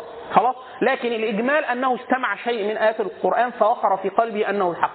فذهب إلى النبي صلى الله عليه وسلم في بيت الأرقم ابن الأرقم فأراد أن يعرض إسلامه على المسلم على على النبي صلى الله عليه وسلم وعلى المسلمين. وكان النبي صلى الله عليه وسلم يوحى له يعني في في في في, في, في حينها وخشي معظم الصحابة أن يفتحوا لعمر بن الخطاب البيت لأنه كان كان مهيبا عمر بن الخطاب. إحنا قلنا وصف أبو بكر الصديق إن هو كان إيه؟ أبيض خفيف شعر الوجه جسمه نحيل ظهره فيه انحناء بسيطة كذا عمر بن الخطاب على العكس تماما. كان طويل عظيم الأقدام والأكف كان يمشي سريعا صوته عالي كان أصلع شاربه حتى طويل كان حتى إذا حزبه أمر كان يعني ممكن يقعد وهو بيفكر كده فكان هيئة عمر بن الخطاب في الطول وكذا إذا رآه رجل وسط الناس يظن أنه راكب دابة. يعني راكب واحد راكب حصان جنب واحد ماشي عادي. خلاص؟ فخشى خشى الصحابة أن يفتحوا له الباب فكان منهم حمزة قد أسلم قبله بثلاث أيام أو أو أيام بضعة أيام. كان سيدنا حمزة عم النبي صلى الله عليه وسلم أسلم. خلاص؟ فلما رأى خشية الصحابة قال لهم يعني من على الباب قالوا عمر. فقال فقال لهم إيه؟ دعوه. إن كان أتى لخير وإلا قتلناه بسيفه سيدنا حمزة كان من مقاتلين الأشداء المعدودين في في قريش وفي العرب يعني. فلما أدخلوه البيت أخذه بمجامع ثوبه. سيدنا حمزة يعني قال له يعني اما أنا لك أن تنتهي أو إلا نزلت بك قارعة من الله عز وجل وكذا. فقال لا ما أتيت إلا وأنا أشهد أن لا إله إلا الله وأن محمد رسول الله وأسلم حتى يقال أن التكبير الصحابة يعني رج المكان. يعني أي حد يسمع تكبير إيه؟ معهم حمزة ومعهم سيدنا عمر بن الخطاب. حتى سيدنا عبد الله بن مسعود يقول يعني ما زلنا أذلة حتى أسلم عمر. أول ما أسلم عمر بن الخطاب بقينا إيه؟ بنضرب ونتضرب آه آه الأول كان بنضرب بس. أول ما أسلم عمر الخطاب كان ممكن نروح نصلي لنا ركعتين في الكعبة ونجيبه معانا يتخانق معاهم ويضربهم ونمشي. الأول ما تنفعش. خلاص عمر الخطاب لا كان بي... اللي هو سيدنا عمر الخطاب أول ما أسلم فعايز ي... عايز يعرف الناس إن هو أسلم عايز يتلقى ما هو محدش هيجرؤ عليه وهيعرفوا منين انه أسلم. قال لهم أي قريش أنقل الخبر؟ مين بالخباص؟ مين؟ مين؟ مين نمام؟ عارفين إن نمام ده ليه وظيفتين؟ يعني أحيانا عايز توصل خبر فتديهوله فهو يقوم بالدور ببلاش يعني يوصله في نفس الوقت يخش النار. يعني سيدنا حذيفة بن يمان لما بعد النبي صلى الله عليه وسلم مر على رجل فيعني الناس أول ما شافت واحد كده فكل واحد سكتوا فسيدنا حذيفة قال لهم مالكم؟ مين ده؟ فقالوا له يعني يرفع الخبر للسلطان. من أيامهم برضو الموضوع موضوع الرجل يرفع الخبر للسلطان فسيدنا حذيفه الامام بص له كده وقال قال رسول الله صلى الله عليه وسلم لا يدخل الجنة قتات. والقتات هو النمام الذي ينقل الخبر يعني. خلاص؟ فكان عمر بن الخطاب ذهب إلى أنقل الناس للخبر في قريش فأخبروه بالرجل فذهب إليه فقال إيه؟ قد اسلم فيخرج الرجل في, الطرقات يصيح قد صدع بن الخطاب يقول كذبت ولكني أسلمت وأشهد أن لا إله إلا محمد رسول الله. ثم ذهب إلى أبو جهل يقول له إيه؟ قد أسلمت. يعني شوف يضرب بقى يشتم مفيش قفل الباب وسابه. قال له قبحك الله وقبح ما جئت محدش قادر يعمل له حاجة لوحده. وإلا عمر الخطاب ضرب واجتمع عليه الناس حتى كادوا يقتلونه يقتلونه في فناء الكعبة. لكن هي الفكرة في إيه؟ إن أي حد هيعمل أي حاجة قبل ما يفكر هيروح يضرب عبد الله بن مسعود. طب ما أنت هتروح تضرب عبد الله بن مسعود ممكن يكون عمر معاك. فيعني إيه؟ تحسب الناس لإسلام. حمزة بن عبد المطلب عم النبي صلى الله عليه وسلم وسيدنا عمر بن الخطاب. طيب سيدنا أبو بكر الصديق إحنا قلنا كان تزوج أربع نساء منهم واحدة في الجاهلية وثلاثة في الإسلام. سيدنا عمر بن الخطاب تزوج ستة في الإسلام و آه لا واحدة في الجاهلية وستة في وخمسة في الإسلام واثنين من السرايا أو من الجوارح. طيب سيدنا عمر الخطاب برضه له من الفضيلة أنه آه زوجته حفصة آه أم المؤمنين زوجة النبي صلى الله عليه وسلم وأنه تزوج أم كلثوم حفيدة النبي صلى الله عليه وسلم أو بنت علي بن أبي طالب. سيدنا علي له وكان سيدنا عمر الخطاب كبير يعني بس تزوجها صغير حتى الناس لما سألوه ليه ما حرص على انه هو اتجوز اثنين أم كلثوم؟ واحدة السيده أم كلثوم بنت آم، آم، أم كلثوم الخزاعية وتزوج السيدة أم كلثوم بنت علي بن أبي طالب. فقالوا له ليه اتجوزتها؟ وكان خلاص كبر في السن يعني وكذا وأنجب منها آه، ولد وبنت. فقال لهم يعني الرواية تقول أنه قد سمع النبي صلى الله عليه وسلم يقول يعني كل نسب مقطوع يوم القيامة إلا نسب النبي صلى الله عليه وسلم فأراد أن يجعل بينه وبين النبي صلى الله عليه وسلم إيه؟ آه، نسبا. ودي إحنا بنقول الرواية دي ورواية أبو بكر الصديق مهمين جدا، إحنا قلنا إن سيدنا أبو بكر الصديق تزوج السيدة أسماء بنت عميس.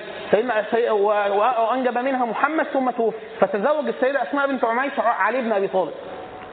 خلاص؟ فمحمد ابن أبو بكر ربيب علي. يعني علي سيدنا علي اللي رباه. رباه في حجري يعني خلاص؟ سيدنا عمر بن الخطاب تزوج السيده أم كلثوم بنت علي بن أبي طالب. فإحنا دايما نقول إن معظم روايات الشيعة لا ليس ليست في حاجة إلى عاقل أو مسلم حتى تكذب. العداء ما بين آل البيت وسيدنا عمر وعلي وسيدنا أبو بكر وكذا اللي هو العداء وكره الديانة وكذا لا يستقيم في عقل عربي. وفي نفس الوقت بسبب التراحمات اللي كانت بينهم الأنساب والزواجات وكذا. فيعني طب متخانقين. طب إيه بقى الروابط اللي كانت بينهم دي؟ تمام؟ طيب سيدنا عمر بن الخطاب ظل ست سنوات قبل قبل أن يسلم في على أذى المسلمين في في مكة. ثم شاء الله عز وجل أن أسلم وقد هاجر المسلمون قبلها بعام إلى الحبش. وهنا وقفة. إن هو لا يتألى على الله متألي. يعني إيه؟ التألي على الله إن هو أنت يعني تحكم نفسك فيما هو ملك لله عز وجل فقط. وهي الهداية والجنة والنار. حد من ام عبد الله؟ آه، أحد الصحابيات اللي هم هاجروا الحبشة. كان سايبها زوجها وقد بان يعني ظهر عليها أثر الإيه؟ الاستعداد للسفر وكذا. خلاص هيهاجروا للحبشه فسيدنا عمر الخطاب عدى عليها قال لها إيه يعني ال- أنتوا هتسافروا خلاص هتمشوا قالوا له آه، قد أذيتمونا. ويعني إيه؟ فأردنا أن نترك لكم إيه؟ البلد وكذا. فسيدنا عمر الخطاب وكأنه رق له وكان على الكفر. خلاص؟ فقال يعني إيه؟ صاحبتكم السلامة أو معكم الله. حاجة كده. فلما غادر عمر الخطاب وأتى زوج الصحابية فقالت له يعني ده عمر الخطاب جه وكلمني وكأنه رق لنا. يعني صعبنا عليه. قال لا تطمعين أن يسلم عمر بن الخطاب لأن يسلم حمار الخطاب. يعني إيه؟ أقرب من أن يسلم عمر الخطاب. طبعا الصحابة دول راحوا سافروا الحبشة رجعوا كان عمر الخطاب أسلم وصار الفاروق الذي فرق الله عز وجل به بين الحق وبين الباطل. تمام؟ سيدنا عمر بن الخطاب أسلم. دي حاجة هنا مهمة جدا. تخيلوا أن سيدنا عمر بن الخطاب تقريبا هو حاجة و40 واحد يخشوا الإسلام. هو يقول عمر الخطاب في رواية أنه الأربعين يعني كان النبي صلى الله عليه وسلم كل من معه 39 وهو كان الأربعين. خلاص؟ في رواية الروايات بتقول لا عمر الخطاب عشان المسلمين ساعتها كانوا مستخفين وكذا فما كانش عارفهم كلهم. لا ده كانوا حاجة و40 بقى. مش كانوا 40 خلاص. لكم أن تتخيلوا أن النبي صلى الله عليه وسلم وهو أكرم الخلق على الله عز وجل لمدة ست سنوات وسط قومه. قومه. يعني قريش وبنو هاشم وبطون آه، قريش وكذا ولم يسلم له إلا بضع أربعون رجل وامرأة. يعني كلهم على بعضهم. وجزء كبير جدا منهم هاجر الحبشة. عشان حتى يعلم الناس يعني الموضوع موضوع الديانة ده موضوع يعني شاق جدا. حديث النبي صلى الله عليه وسلم يأتي النبي ومعه الرهط يوم القيامة. يعني آمن به مجموعة من الناس ويأتي النبي ومعه الرجلان ويأتي النبي ومعه الرجل ويأتي النبي وليس معه أحد. فده النبي صلى الله عليه وسلم هو أكرم الناس على الله عز وجل ست سنين يعني باقي له أربع سنين على الهجرة. ولم يسلم يؤمن به إلا يعني بضع أربعون رجل. آه طبعا النبي صلى الله عليه وسلم في آخر بداية الهجرة كان لا كان بقي له فترة آه لسه سبع سنين أو كذا بعد الشعب آه دخول النبي صلى الله عليه وسلم الشعب وكذا لكن الرقم ست سنوات على 40 واحد. ست سنوات على 40 واحد. تمام؟ ده أمر شاق جدا على النفس جدا. طيب سيدنا عمر بن الخطاب ظل على يعني وهو يعني أعز الله عز وجل به الإسلام. حتى أن النبي صلى الله عليه وسلم يصح في دعائه في عمر بن الخطاب أن النبي صلى الله عليه وسلم قال اللهم انصر يعني آه، عز الإسلام بأحد العمرين أو بأحب العمرين إليك. كان يقصد سيدنا عمر بن الخطاب آه، بحب الرجلين إليك. عمر بن الخطاب أو أبو جهل. خلاص؟ وكان أحب الرجلين إلى الله عز وجل عمر بن الخطاب. تمام؟ فصار فعلا المسلمون في منع وعزه وصاروا يعني يضربون ويضربون بعد إسلام عمر وسيدنا حمزة حتى أتت الهجرة ثم هاجر قبل النبي صلى الله عليه وسلم ببضع آه، شهور أظن أو كذا.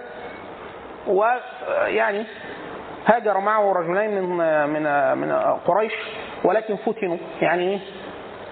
تعقبهم القرشيون وإيه؟ اخبروا أحدهم بأنه أمه يعني أقسمت ألا تستظل وألا تمتشط حتى يأتيها. فسيدنا عمر الخطاب قال له إيه؟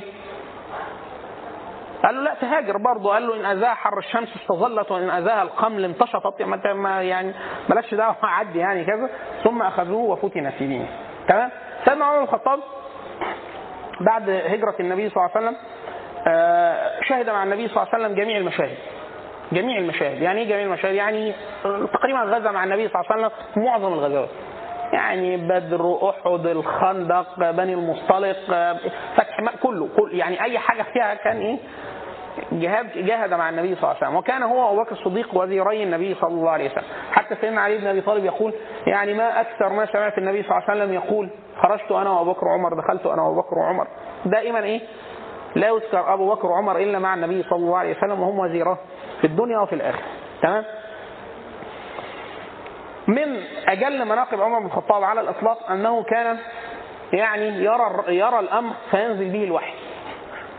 حتى أن النبي صلى الله عليه وسلم فيما صح عنه قال لو لم أبعث فيكم لبعث فيكم عمر. يعني لو أنا مش أنا اللي بعثت هبعث عمر بن الخطاب. خلاص؟ فهو هو على حسب جمع الإمام السيوطي يقول وافق ربه في 21 موضع. منها آية الحجاب وآية دخول الناس على نساء النبي صلى الله عليه وسلم دخولهم على البيت واختلاطهم بالناس. قال له لو حجبت نسائك والصلاة في مقام إبراهيم و و والخمر. أن دعا الله عز وجل أن يريهم الله عز وجل شيئا إيه؟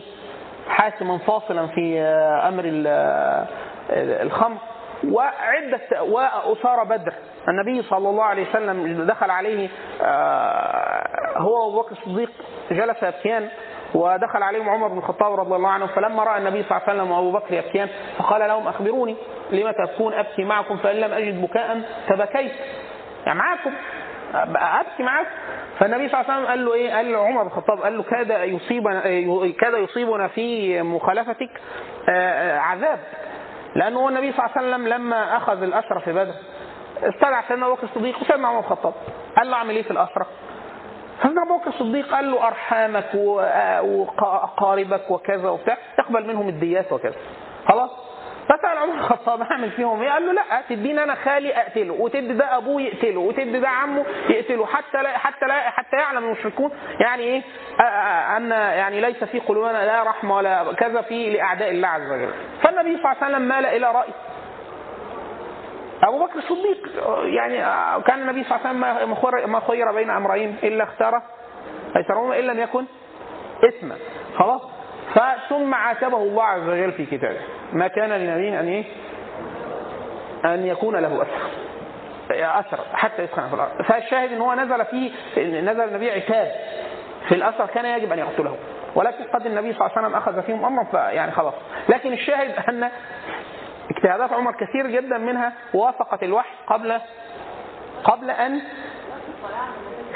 هم؟ وترك الصلاة على المنافقين. النبي صلى الله عليه وسلم أول ما علم عمر بن الخطاب أن النبي صلى الله عليه وسلم سيذهب للصلاة على عبد الله بن أبي بن سلول وهو رأس المنافقين. وهو يمسك بإيه؟ بثوب النبي صلى الله عليه وسلم يقول لا يا رسول الله لا تصلي عليه. فيقول يعني إيه؟ دعني يا عمر. يقول ألم يقل لك ربك؟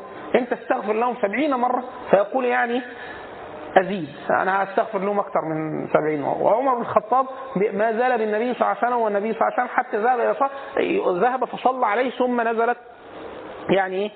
نهي النبي صلى الله عليه وسلم عن الدعاء والصلاة على ال- المنافقين والمشركين وكذا خلاص فكان عمر بن الخطاب دائما يعني؟ دائما موفقا ملهما في تصور ما الذي يريده الله عز وجل حتى في خلافة عمر بن الخطاب كثير جدا من أقضية عمر واجتهادات عمر آه، تدل على هذه الملكة. يعني هو هذا الأمر أول مرة يعرض على أحد من المسلمين. يعني خلاص النبي لم يرى هذا الأمر وده أمر استجد في الإسلام. نعمل فيه إيه؟ فكان عمر بن الخطاب له هذا الكعب العالي في ال- الاجتهاد الموافق جدا لمصلحة المسلمين أو طبقا لمقاصد الشريعة. وإن لم يصب في جميع اجتهاداته. يعني هو عمر بن الخطاب نفسه اجتهد اجتهاداته وفق خلافته ثم رأى فيها أمرا آخر بعد ذلك أو رأى أنه أخطأ وده إحنا بنقول ده أهم جزء في اعتقاد أهل السنة والجماعة في الصحابة أنهم ليسوا ملائكة بل هم بشر يعني يصيبون ويخطئون ولكن يعني آه، كن همهم ال- الأول والأخير أن مرضاة الله عز وجل وأن يتبعوا النبي صلى الله عليه وسلم في كل صغيرة وكبيرة. طيب سيدنا عمر بن الخطاب له شخصية متفردة له شخصية متفردة من دون الصحابة. أول حاجة فكرة وإن كان تأخر إسلامه تأخر إسلامه. لكن فكرة الحمية الشديدة جدا للإسلام وموقفه الشهير جدا مع النبي صلى الله عليه وسلم ومع أبو بكر في صلح الحديبية. طبعا النبي صلى الله عليه وسلم رأى أن يصالح قريش على بعض العهود وال- والشروط وكانت قاسية جدا على المسلمين. خلاص؟ فذهب عمر بن الخطاب إلى أبو بكر الصديق فيقول ذهب النبي صلى الله عليه وسلم يقول يا رسول الله ألسنا على الحق؟ يقول نعم، ألست على الباطل؟ نعم. ألست رسول الله صلى الله عليه وسلم؟ يقول نعم، فع- فع- فعلى ما نعطي الدنية في ديننا؟ ليه إحنا نقول لهم اللي يسلم من عندنا ويروح لهم آه، اللي اللي يرتد من عندنا ويروح لهم ما يرجعوش واللي يسلم من عندهم ويجي لنا نرجعه وما نع- ما نعتمرش هذا العام ونرجع من السنة اللي بعدها. كل هذه الشروط ليه, ليه كل هذه الشروط؟ ليه نقبلها؟ وإحنا على الحق وكده. النبي صلى الله عليه وسلم يقول له يعني؟ أنا رسول الله صلى الله عليه وسلم ولست اعصيه وهو ناصري خلاص. فيروح مش مش قادر اتصور إن هو المسلمين هيعملوا كده فيروح لسيدنا أبو بكر الصديق يقول له أليس رسول الله صلى الله عليه وسلم؟ يقول نعم اليس على الباطل نعم أليس لسنا على الحق؟ نعم فعلى ما نعطي الدنيه في ديننا.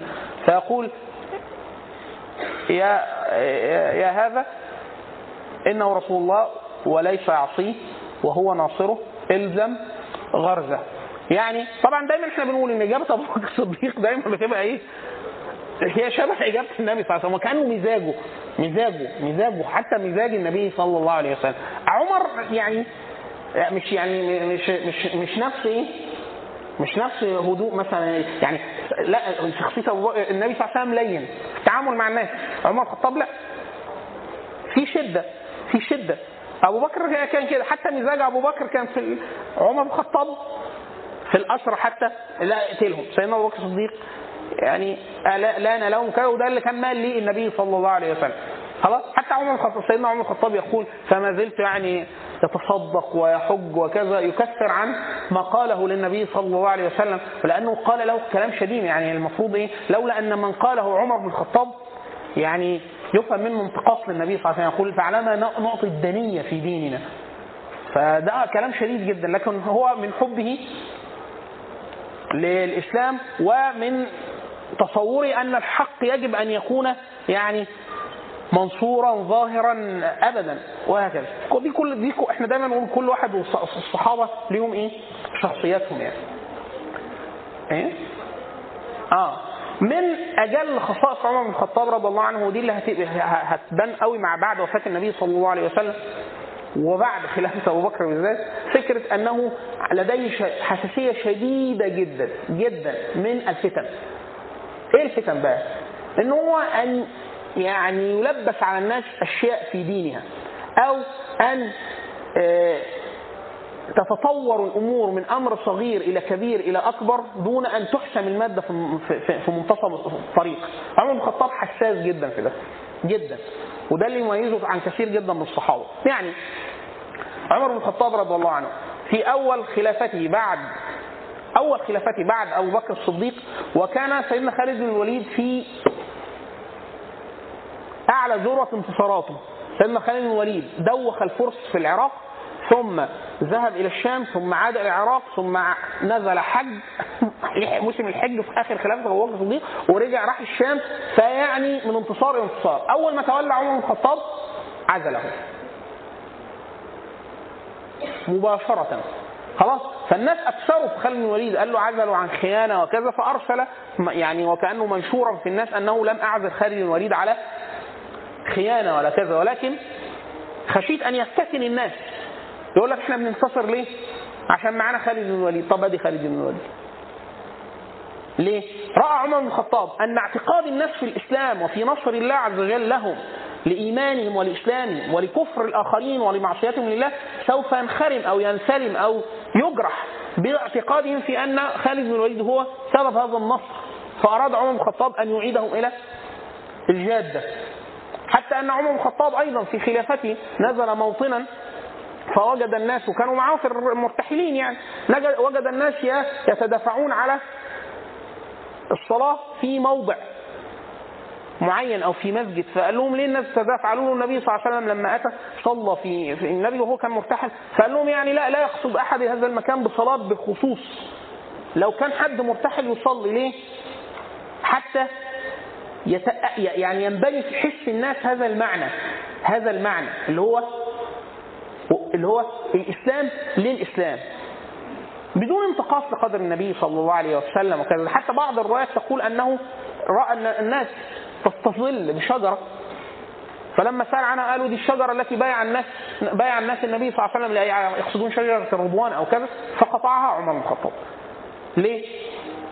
حتى يعني لا يغلو الناس في في هذه الشجرة غلو الأمم السابقة في في الأشياء والكذا حتى تبقى لهم الإسلام أبيض نقي أبيض نقي. وده معنى حسن جدا في في فكر عمر بن الخطاب أو في تفكيره للأمام. يعني كل شو أي حاجة يفكر إيه؟ اللي هي فكرة إحنا إيه؟ حسم مادة الفتن أو حسم مادة افتتان الناس في الدين أو تقديرها تقدير يخالف الإسلام في أمر أو في تصور أو في معتقد. الأمر الثاني عمر بن الخطاب يظن إن كثير من الناس في شخصيته اللي هو القوة والجلد وكذا أنه أول ما تولى الخلافه أبو بكر الصديق بدأ الفتوح. فتصور إن شخصية عمر بن الخطاب يعني إيه؟ أقوى من أبو بكر الصديق فهيكون فيها استكمل عمر بن الخطاب نعم الفتوح نعم لكن أول قرارين خدهم ودي حاجة مهمة جدا.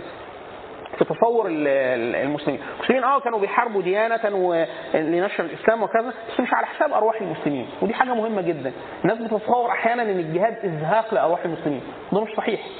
المسلمين المسلمون لو خيروا في أي عصر في أي مصر بأن يكفوا دماء المسلمين على أن يغزوا وينتصروا وكذا لا يكفوا دماء المسلمين.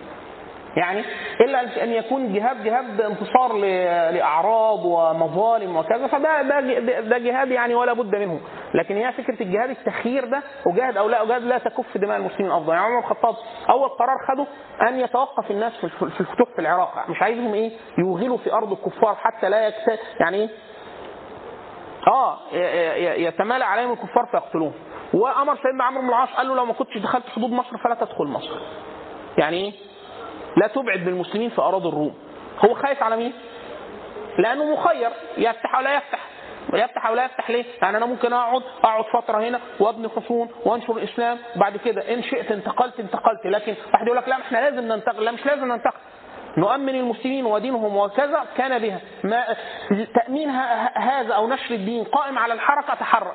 نشر الدين وتأمين وكذا قائم على السكون وحفظ دماء المسلمين يعني هو مش إيه؟ مش خيار واحد. لا هي مصلحة مح- محسوبة أو مراعاة في كلا- الأمرين. فسيدنا عمرو بن العاص قصة مشهورة. أنا هو لما علم أن عمر بن الخطاب أرسل إليه رسولا أو كان على تخوم مصر فأخر الرسول. قال له استنى يعني شوية كده وهات لي الرسالة. وكان هو إيه؟ عمرو بن العاص كان من الفطنة والذكاء هو استشعر إن عمر الخطاب ممكن يقول له ارجع. خلاص؟ فلما أتاه الرسول كانوا دخلوا عريش مصر. في العريش. فقال له والله انت شايف إحنا فينا في مصر. ف- فهو ارسل يطلب من عمر بن الخطاب مددا.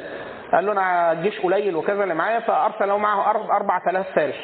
وأرسل على كل ألف رجل. قال له عمر بن الخطاب أرسلت لك 4000 مدد وعلى كل ألف رجل بألف رجل.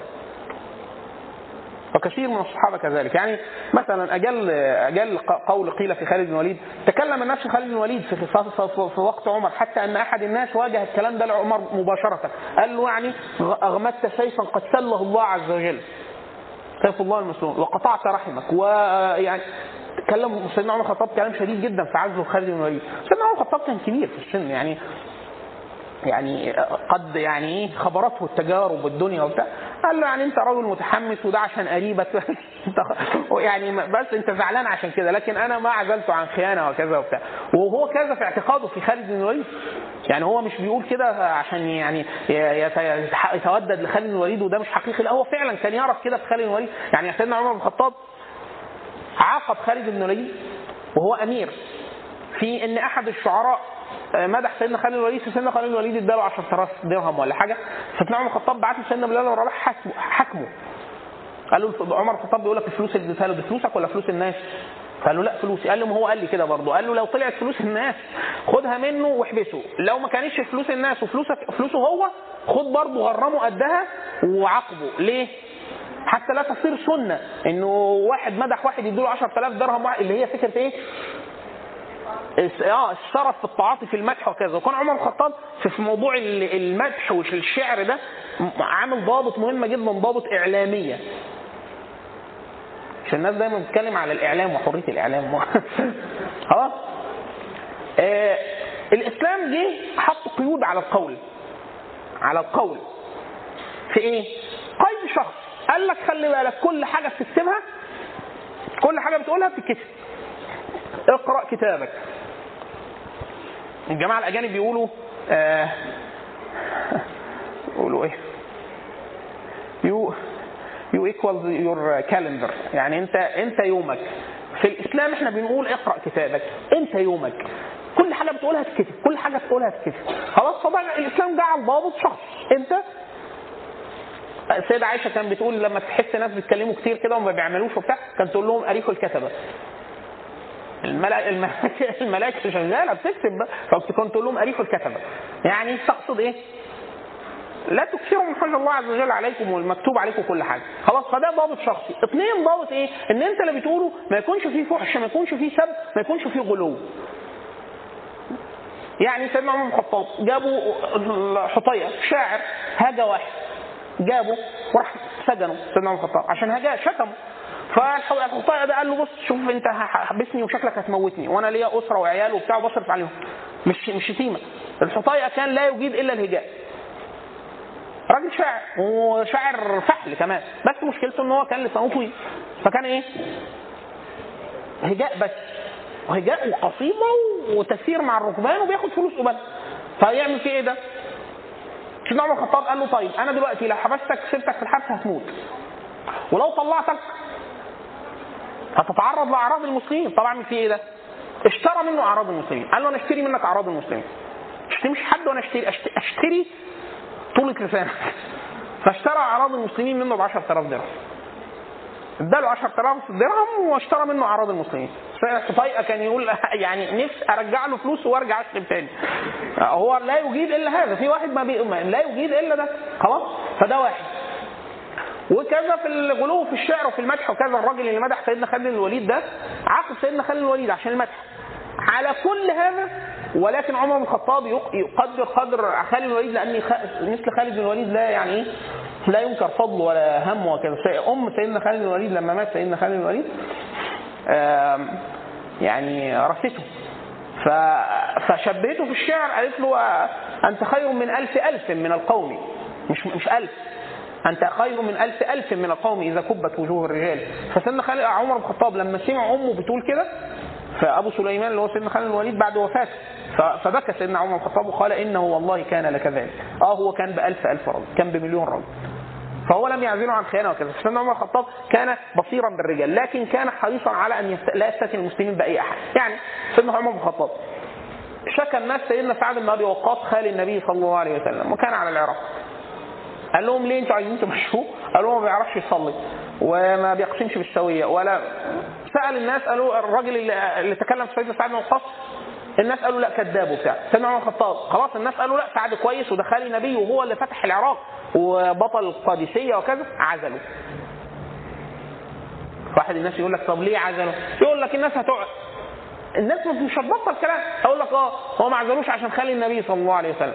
وعشان هو آه، فتح العراق فالإسلام إيه آه، اداها له ما دام هو فتحته يبقى بتاعته. حسم هذه المادة فعزله وأتى ب. لما مات سيدنا عمر بن الخطاب أو لما طعن جعل سعد في الستة الذين فيهم الخلافة إن اختارهم المسلمون. تمام؟ فليس عن خيانة ولا ضعف ولكن سيدنا عمر الخطاب كان يحسم مادة مادة الفتن طيب من أجل خصائص عمر بن الخطاب على الإطلاق؟ اتفضلي.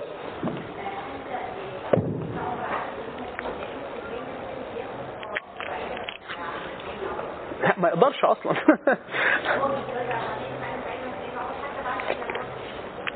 هو سيدنا عمر بن الخطاب كان في خلافة أبو بكر أشار على أبي بكر الصديق أن يعزل خالد بن الوليد. ليه؟ عمر بن الخطاب كان ليه نظرية كده برضه في الأسبقية والسبق. يعني لما عزل خالد بن الوليد جاب سيدنا أبو عبيده أبو عبيدة بن الجراح. فخالد بن الوليد برضه كان عايز الموضوع يبقى متمركز شوية حوالين الديانة أكتر منه كون خالد بن الوليد مؤثر أو غير مؤثر. اثنين حسما للمادة للفتنة، لكن هب إن خالد بن الوليد التزم بأوامر عمر الخطاب برضه كان يعزله. ليه؟ هي الفكرة كان كلام واضح جدا في كذا نص عن سيدنا عمر الخطاب أنه خشي أن يفتتن المسلمون بخالد بن الوليد، يقولوا إحنا بنن- بننصر بخالد بن الوليد، فقال لهم لا أنتم بتنصروا بدين الله عز وجل، فدي خالد بن الوليد. ده ده ده غرض منصوص عليه في كلام عمر الخطاب كذا مرة في حياة خالد بن الوليد وفي وفاه بعد وفاة خالد بن الوليد. قال كده إن هو أراد أن يستثني الناس بخالد بن الوليد. تمام؟ من أف- يعني خصائص عمر بن الخطاب أنه تعرض إلى كثير جدا من الاجتهادات بعد النبي صلى الله عليه وسلم لم يراها النبي صلى الله عليه وسلم ولم يراها أبو بكر الصديق واجتهد فيها اجتهاده. ده واحد. اثنين ان هذا الاجتهاد ليس خاصا بأرض العرب. يعني النبي صلى الله عليه وسلم بعث وجاهد وهاجر وكذا وتوفي والنبي صلى الله عليه وسلم لم يغادر جزيرة العرب. خلاص؟ والإسلام لم يغادر جزيرة العرب. أبو بكر الصديق التحدي كان بدأ إيه؟ على تخوم فارس والروم. عمر بن الخطاب لا ده بادئ الخ- الخلافة بتاعته وهو الجنود في مصر في الشام في فارس رايحين أسيا الصغرى. كل يوم بتجد عليه مسألة جديدة. هنا اختبار حقيقي لفهم الصحابة للإسلام.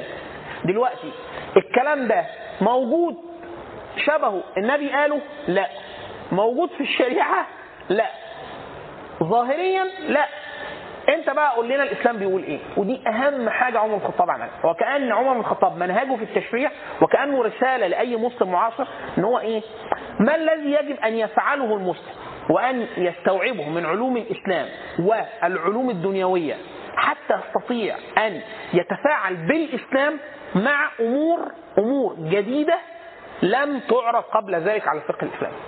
يعني سيدنا عمر بن الخطاب عرض عليه مسألة نوعين من المسائل الاثنين أخطر من بعض. مسائل لم يراها النبي صلى الله عليه وسلم جديدة. خلاص؟ فقال فيها برأيه فأصاب في في معظمها طب إيه معيار الإصابة؟ فكرة الرشادة أن الأمة لا تجتمع على باطل إن الصحابة كلهم لما شافوه وهو بياخد القرار ده قالوا له على فكرة الكلام ده مظبوط وكذا. تمام؟ اثنين أثرها في الأمة أنها حققت عدل واسكتت ظلم وكذا وأمنت الناس. تمام؟ يعني مثلا العسف فكرة الشرط مش الشرطة اللي زي دلوقتي العسف اللي هي إيه؟ بتحمي الناس خلاص؟ وكلمة الشرطة دايما الشرطة اللي هي خيار خيار الشيء. يعني إذا اشترط الناس شرطة، الشرطة دول في اللغة. اللي هو إيه؟ الشرطة هي صفوة الأمر.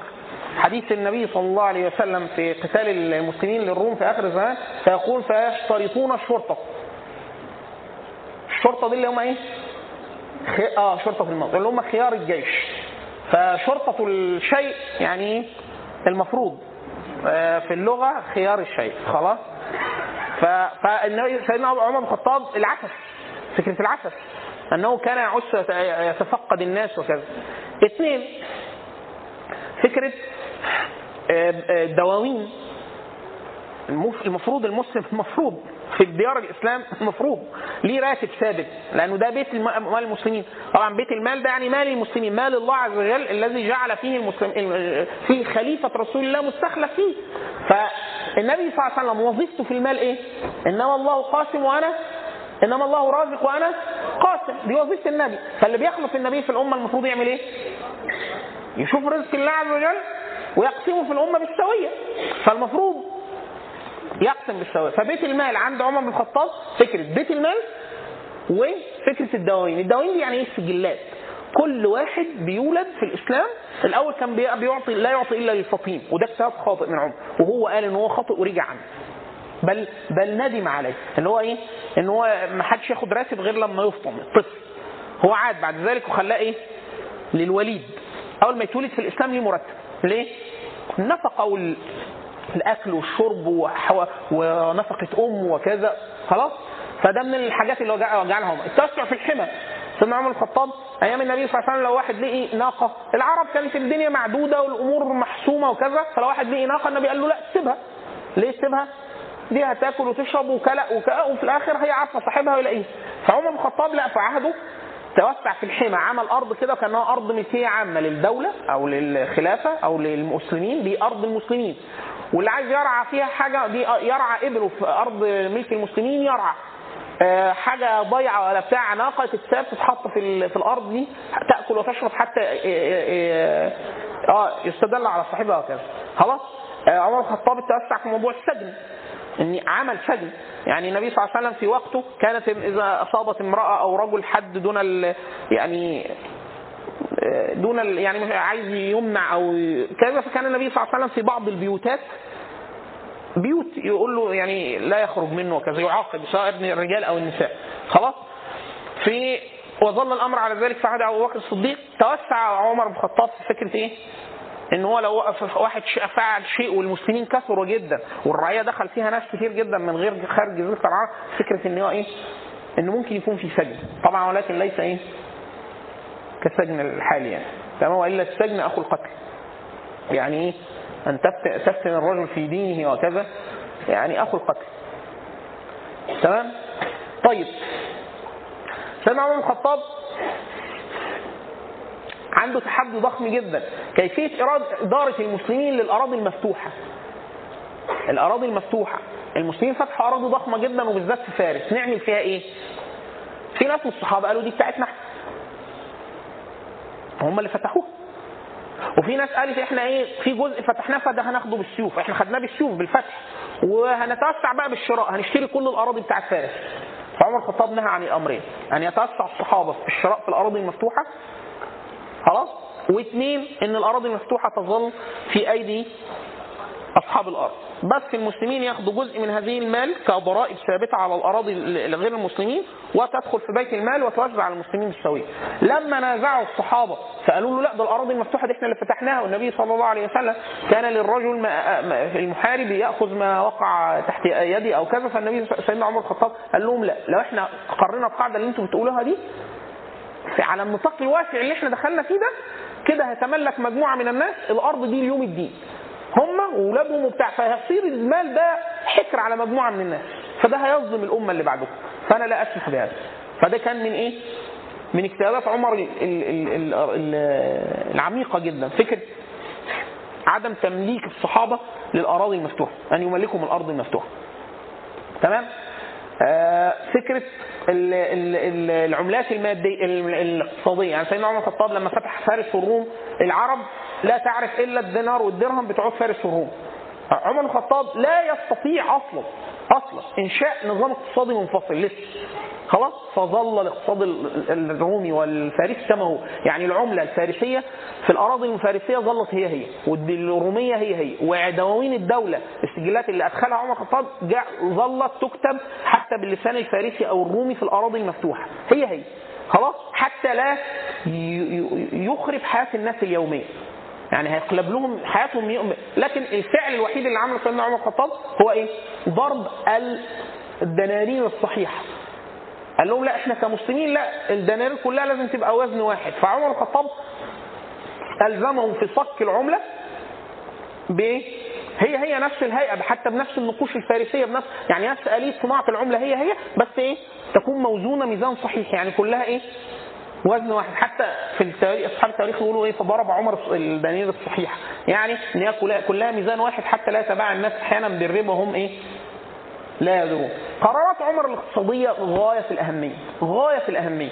يعني عمر بن الخطاب يقول لك المسلمين أهو جاية لها فلوس طلع فلوس والدنيا في ساعه وبيت المال بيدخلوا فلوس. عمر بن الخطاب طول اليوم بيفكر كيف لا يختل ميزان الاقتصاد بين الناس بين أحد الناس. حتى لا يس- يسري بعض الناس ثراء فاحش ولا يفتقر بعض الناس فقر مدقع لدرجة القرارات اللي بياخدها يعني الواحد لو قعد يفكر كده إيه الفكرة؟ يعني هو مسك الخيط منين؟ يعني عمر بن الخطاب ده مش دارس اقتصاد بس كان راجل تاجر. يعني إيه عمر بن الخطاب؟ على الحقيقة كان عنده أدوات العلوم الدنيوية بجانب العلوم الشرعية اللي كانت تصلح في وقته، يعني عمر الخطاب كان تاجر وكان مقاتل وكان عربي وتاجر وراح وجه وسافر، فكان الراجل خبير بما فعله الناس. يعني مثلا لكم أن تتخيلوا دلوقتي بيت المال جاي له فلوس كتيرة جدا بسبب الفتوح. الفتوح كل كنوز كسرى صبت في بيت مال المسلمين. الناس اللي في المدينة دول دول زوجات المجاهدين تمام؟ فالفلوس هتبقى إيه؟ كتيرة جدا في المدينة. أول قرار عمر الخطاب. أي واحد هيربي خيل في المدينة لا تأكل هذه الخيل من علف المدينة. يعني أنت هتربي خيل جوه المدينة. جي- ربنا وسع عليك وجبت ألف حصان 100 حصان. هتجيب لهم أكل منين دول؟ ما تاكلش من علف المدينة. تجيب أكل من بره المدينة. ليه؟ عمر بن الخطاب رجل من أهل الناس من أهل البلد عارف عايش في المدينة منذ هاجر. البلد محدودة والرقعة الزراعية محدودة. أنت بيت غني معاك 100 حصان وأنت جبت 1000 ناقة والأستاذ جاب 2000 غنمة وبتاع. الاقوات تغلو جدا في المدينة فده يضر بأهل المدينة. فأنت عايز تبقى غني؟ يا ربنا يوسع عليك وعلينا. لكن مش من أقوات الناس. تروح تجيب قوت من بره حتى لا يغلو القوت في المدينة. ده واحد. اثنين أنا عايز أجاور جنب النبي صلى الله عليه وسلم. تيجي نعيش في المدينة؟ لا. يعني أي حد عايز يهاجر يجي يقعد في المدينة؟ الإجابة لا. يعني عايز ما أجيش. ليه؟ وإلا كل الناس هتيجي في المدينة. خلاص؟ اللي هي فكرة إيه؟ تحويل المناطق لمناطق شبه مغلقة. تيجي تتاجر تتاجر بس تروح وتمشي. تروح وتمشي. طيب جايب نوق كتير وبتاع مش عارف إيه تاكل من أعلاف بره المدينة. يا تجيب علفك معاك آه آه. ليه؟ لأن أنت جاي التجارة هتبقى كتير جدا فده أحمل على أقوات أهل المدينة. تفكير تفكيرات عمر بن الخطاب أنا أوصيكم بقراءة كتاب المنهج التشريعي عند عمر بن الخطاب. أو منهج التشريع عند عمر بن الخطاب. طبعة دار السلام دي رسالة الماجستير بتاعة الدكتور محمد البلتاجي رحمه الله عميد كلية دار العلوم أستاذ الشريعة في كلية دار العلوم. منهج التشريع عند عمر بن الخطاب. أو منهج عمر بن الخطاب تشريع. أو منهج عمر بن الخطاب التشريع. طبعة دار السلام المؤلف الدكتور محمد البلتاجي رحمه الله أستاذ الشريعة وعميد كلية دار العلوم. أستاذ هو جاب كل المسائل اللي اجتهد فيها عمر بن الخطاب بس عمل فيها حاجة أكثر تعقيدا من اللي إحنا بنقوله. قال هو عمر بن الخطاب لو عايزين نشوف هو أخذ رأي أنهي مذهب من المذاهب الفقهية في الأراضي المفتوحة. يعني عمر الخطاب في الرأي ده كان حنفي ولا مالكي ولا شافعي ولا حنبلي؟ طب في الرأي ده كان أنهي مذهب؟ يعني هو عايز يقول إيه؟ الدكتور محمد بتاجي الله يرحمه. كان يقول إيه؟ أنا عايز أشوف عشان إحنا نجيب اجتهاد زي عمر ده عايزين كام عقل من العقول الضخمة بتاعت المذاهب الفقهية تفكر. يعني في مسائل يقول لك ده اختيار المالكية في مذاهب يقول لك لا ده اختيار الأحناف وفي مذهب يقول لك ده رأي المالكية والأحناف مع بعض. وفي رأي يقول لك هو خد دي من الشافعيه ودي هو بس طبعا الاجتهاد مقلوب وإلا هؤلاء آخذين من عمر مش عمر لا بس إحنا إيه؟ هو عايز يشوف مدى عبقرية عمر. ليه؟ إحنا القواعد اللي إحنا بناخدها أصول الفقه والفقه والنحو دي كل الحاجات دي عشان إيه؟ نحاول نفهم الشريعة. فاحنا هو الملكة اللي كانت عنده تساوي قد إيه من كم الاجتهاد والقواعد الجزئية اللي محطوطه في المذاهب عشان يطلع لنا بالمنتج اللي إحنا شايفينه إن هو إيه؟ عبقري وموافق للشريعة ومصيب وراشد وكذا. خلاص؟ فالكتاب ده جيد جدا في هذه إيه؟ في هذه الفكرة. طبعا عمر بن الخطاب عمل شوية حاجات مهم جدا إن إحنا نقولها حسما للمادة على المنافقين والعلمانيين في التاريخ المعاصر. ليه؟ ليه؟ في ناس أول ما يبقى عايز يقول حاجة ضد الشريعة ضد الشريعة أه فيسمع إن حد من الصحابة عمل حاجة شكلها تبع دي عمل كده فيقول لك إيه خلاص أنا عايز أطبق الشريعه حلو. اللي هي زي إيه؟ أنا عايز أعمل زي عمر بن الخطاب. لما عمل إيه؟ لما وقف الشريعة. ها؟ يعني في واحد يقول لك إيه؟ والله إحنا الشريعة حاليا لا تناسب العصر. الشريعة الإسلامية لا تناسب العصر. فإحنا بنقول له والله ده كذب على الله ورسوله. الله عز وجل أنزل هذا الكتاب. خلاص؟ حتى يعمل به في كل مكان وفي كل زمان. فده مصلح لكل مكان في كل زمان. خلاص؟ مصلح لكل مكان في كل زمان. طيب انت عايز ينفع توقف بعض شعائر الإسلام؟ ده أبو بكر حرم الناس في الزكاة. قال لك لا طب عمر بن الخطاب وقف الحدود. إحنا هنا هنبقى زي عمر. خلاص يعني إيه هتوقفها سنة؟ لا هنوقفها على طول. ما هو عمر وقفها سنة وإحنا هنجتهد. إن إحنا إيه؟ نوقفها على طول. هنا بقى ودي مهمة جدا مسألة يعني ما ينفعش نتكلم عن سيدنا عمر الخطاب ونمررها أن عمر الخطاب لم يوقف الحج اجتهادا. ده وقفه نصا. عندنا نص الشريعة متعلق بتطبيق الحدود في المجاعات المجاعات والحروب ومش كل الحدود. مش كل الحدود. يعني لو واحد في مجاعة زنى في مجاعة بقى؟ أيوه إيه علاقة المجاعة بالزنا؟ خلاص؟ واحد مجاعه قال لك هو راح سرق. سرق قال لك laptop HP من كارفور. يا فندم ده مش في مجاعه لو دخل كل سرق أكل ما تتقطعش إيده. ما دام في مجاعه قال لك ده ضرب ب 2000 جنيه مولتو مثلا. ماشي جعان. خلاص؟ فدي مجاعه وكل أكل كتير. خلاص؟ لا يقطع. عشان إيه؟ إحنا في مجاعة. سرق عربية BMW. هيجيب بيها سندوتشات؟ خلاص فهو ده أصلا الحد لما بيوقف بيوقف في إيه؟ أنا راجل فقير أنا راجل فقير ده حتى مش في المجاعة ده لو أنا جعان أنا جعان وهذا المجتمع هذا المجتمع اللي حولي لا يعمل طبقا لسنة النبي صلى الله عليه وسلم فأنا حل لي مالهم حل لي مالهم مش إن أنا اسرقهم إن أنا إيه؟ آكل النبي صلى الله عليه وسلم يقول ما من أهل محلة ما من أهل محلة يعني مكان مكان يعني يبات فيهم واحد جائع وهم يعلمون إلا إيه؟ دول يعني خرجوا من ذمة الله عز وجل. يعني دول نقضوا ذمة الله عز وجل، عهد الله عز وجل فيهم. ليه؟ عشان ده بيت جعان وهم عارفين. خلاص؟ فأنا راجل جعان، أنا راجل جعان. ومن هذا الجوع الذي يعني استبد بي سرقت أكل ومش في مجاعة، الناس بتاكل وبتشرب وبتاع. لا أحد. ليه؟ لأن هذا المجتمع لا يستطيع أن يحدني طبقا لسنة النبي صلى الله عليه وسلم وهو يخالف سنة النبي صلى الله عليه وسلم في إطعامي ومأكلي ومشربي حديث النبي صلى الله عليه وسلم والله لا يؤمن والله لا يؤمن والله لا يؤمن من بات شبعان وجاره جائع وهو يعلم.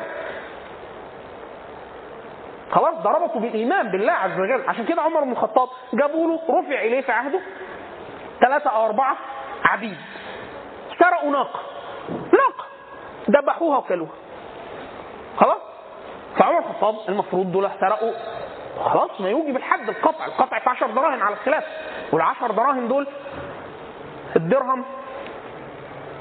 يعني لو حاليا دلوقتي 50 جنيه مثلا 50 جنيه يتقطع إيده. لو سرق حاجة أكتر من 50 أقل من 50 يعذر يتضرب بتاع مش عارف إيه كده. لكن فوق ال 50 يحد.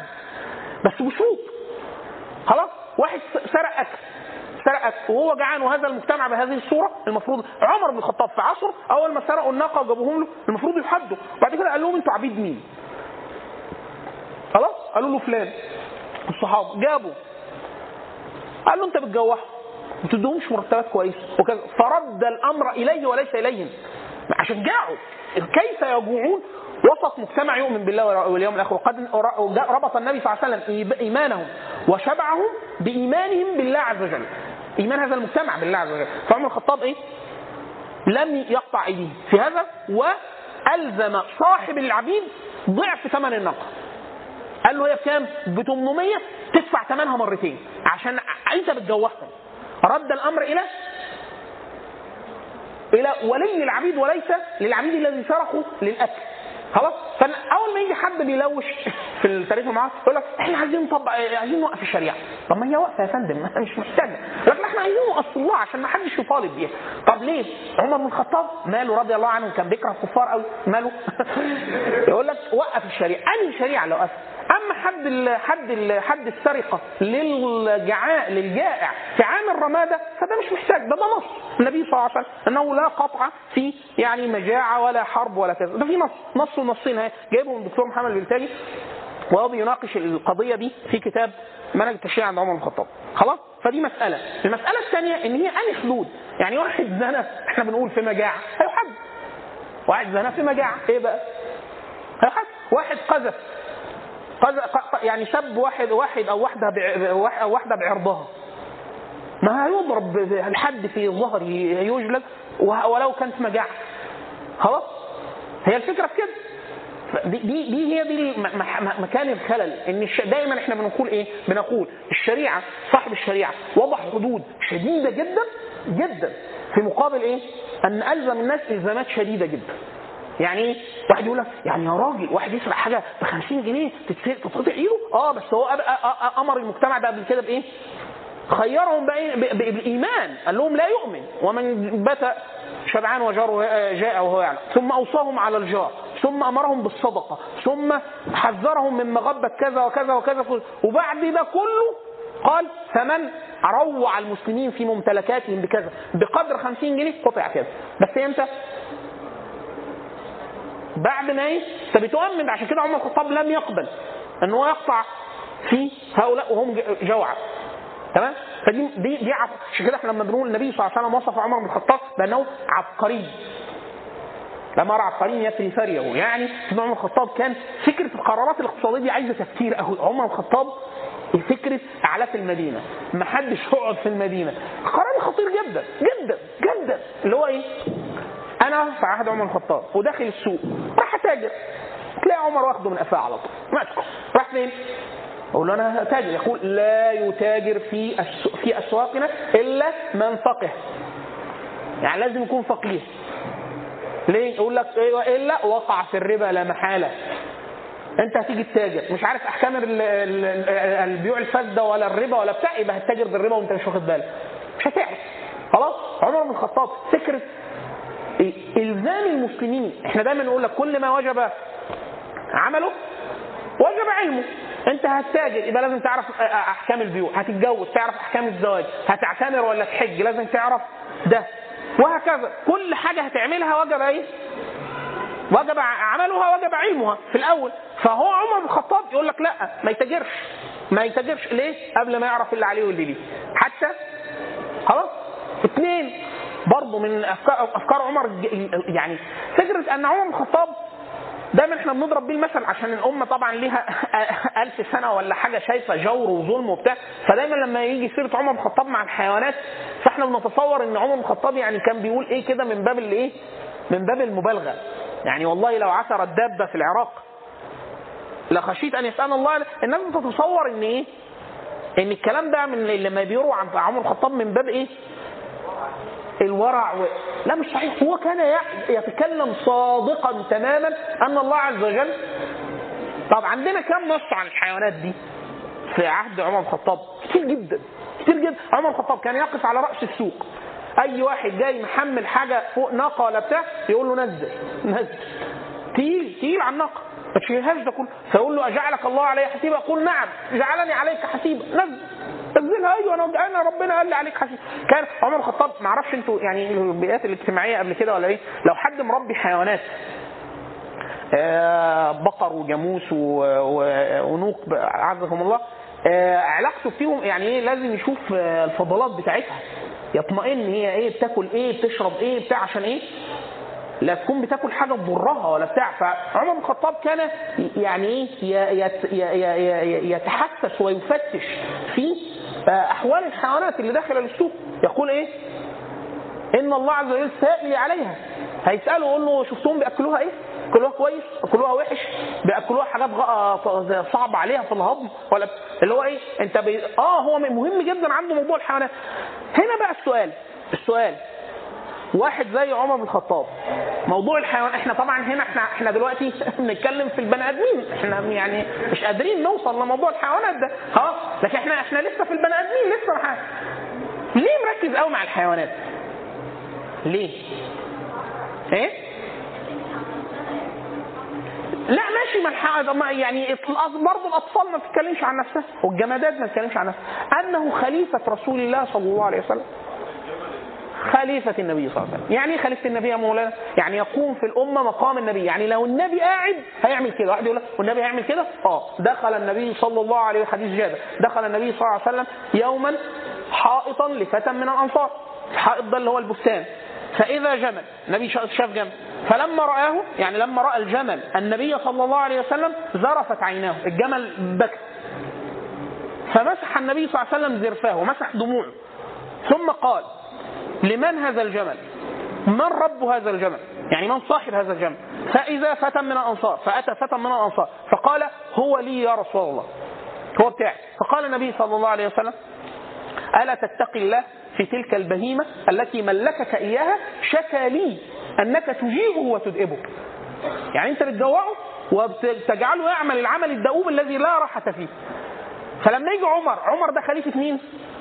خليفة النبي صلى الله عليه وسلم. النبي صلى الله عليه وسلم من شكى له الجمل أنك تجيبه وتديبه فلا بيسأل عليه. ليه؟ لأنه فهذا فعل النبي صلى الله عليه وسلم في الأمة. حديث النبي صلى الله عليه وسلم حديث الفرخ. الطائر اللي جه للنبي صلى الله عليه وسلم يخطب ب ب ب يخبط بأجنحته أمام النبي صلى الله عليه وسلم فالنبي صلى الله عليه وسلم تلفت في الصحابة فقال من روع هذه في أفراخها؟ ردوا عليها أفراخ حد خد عيالها. حمامة. فقالوا له قال في حد خد عيالهم الصغيرين. جت تشتكي للنبي صلى الله عليه وسلم. خلاص فرد عليها أفراخ.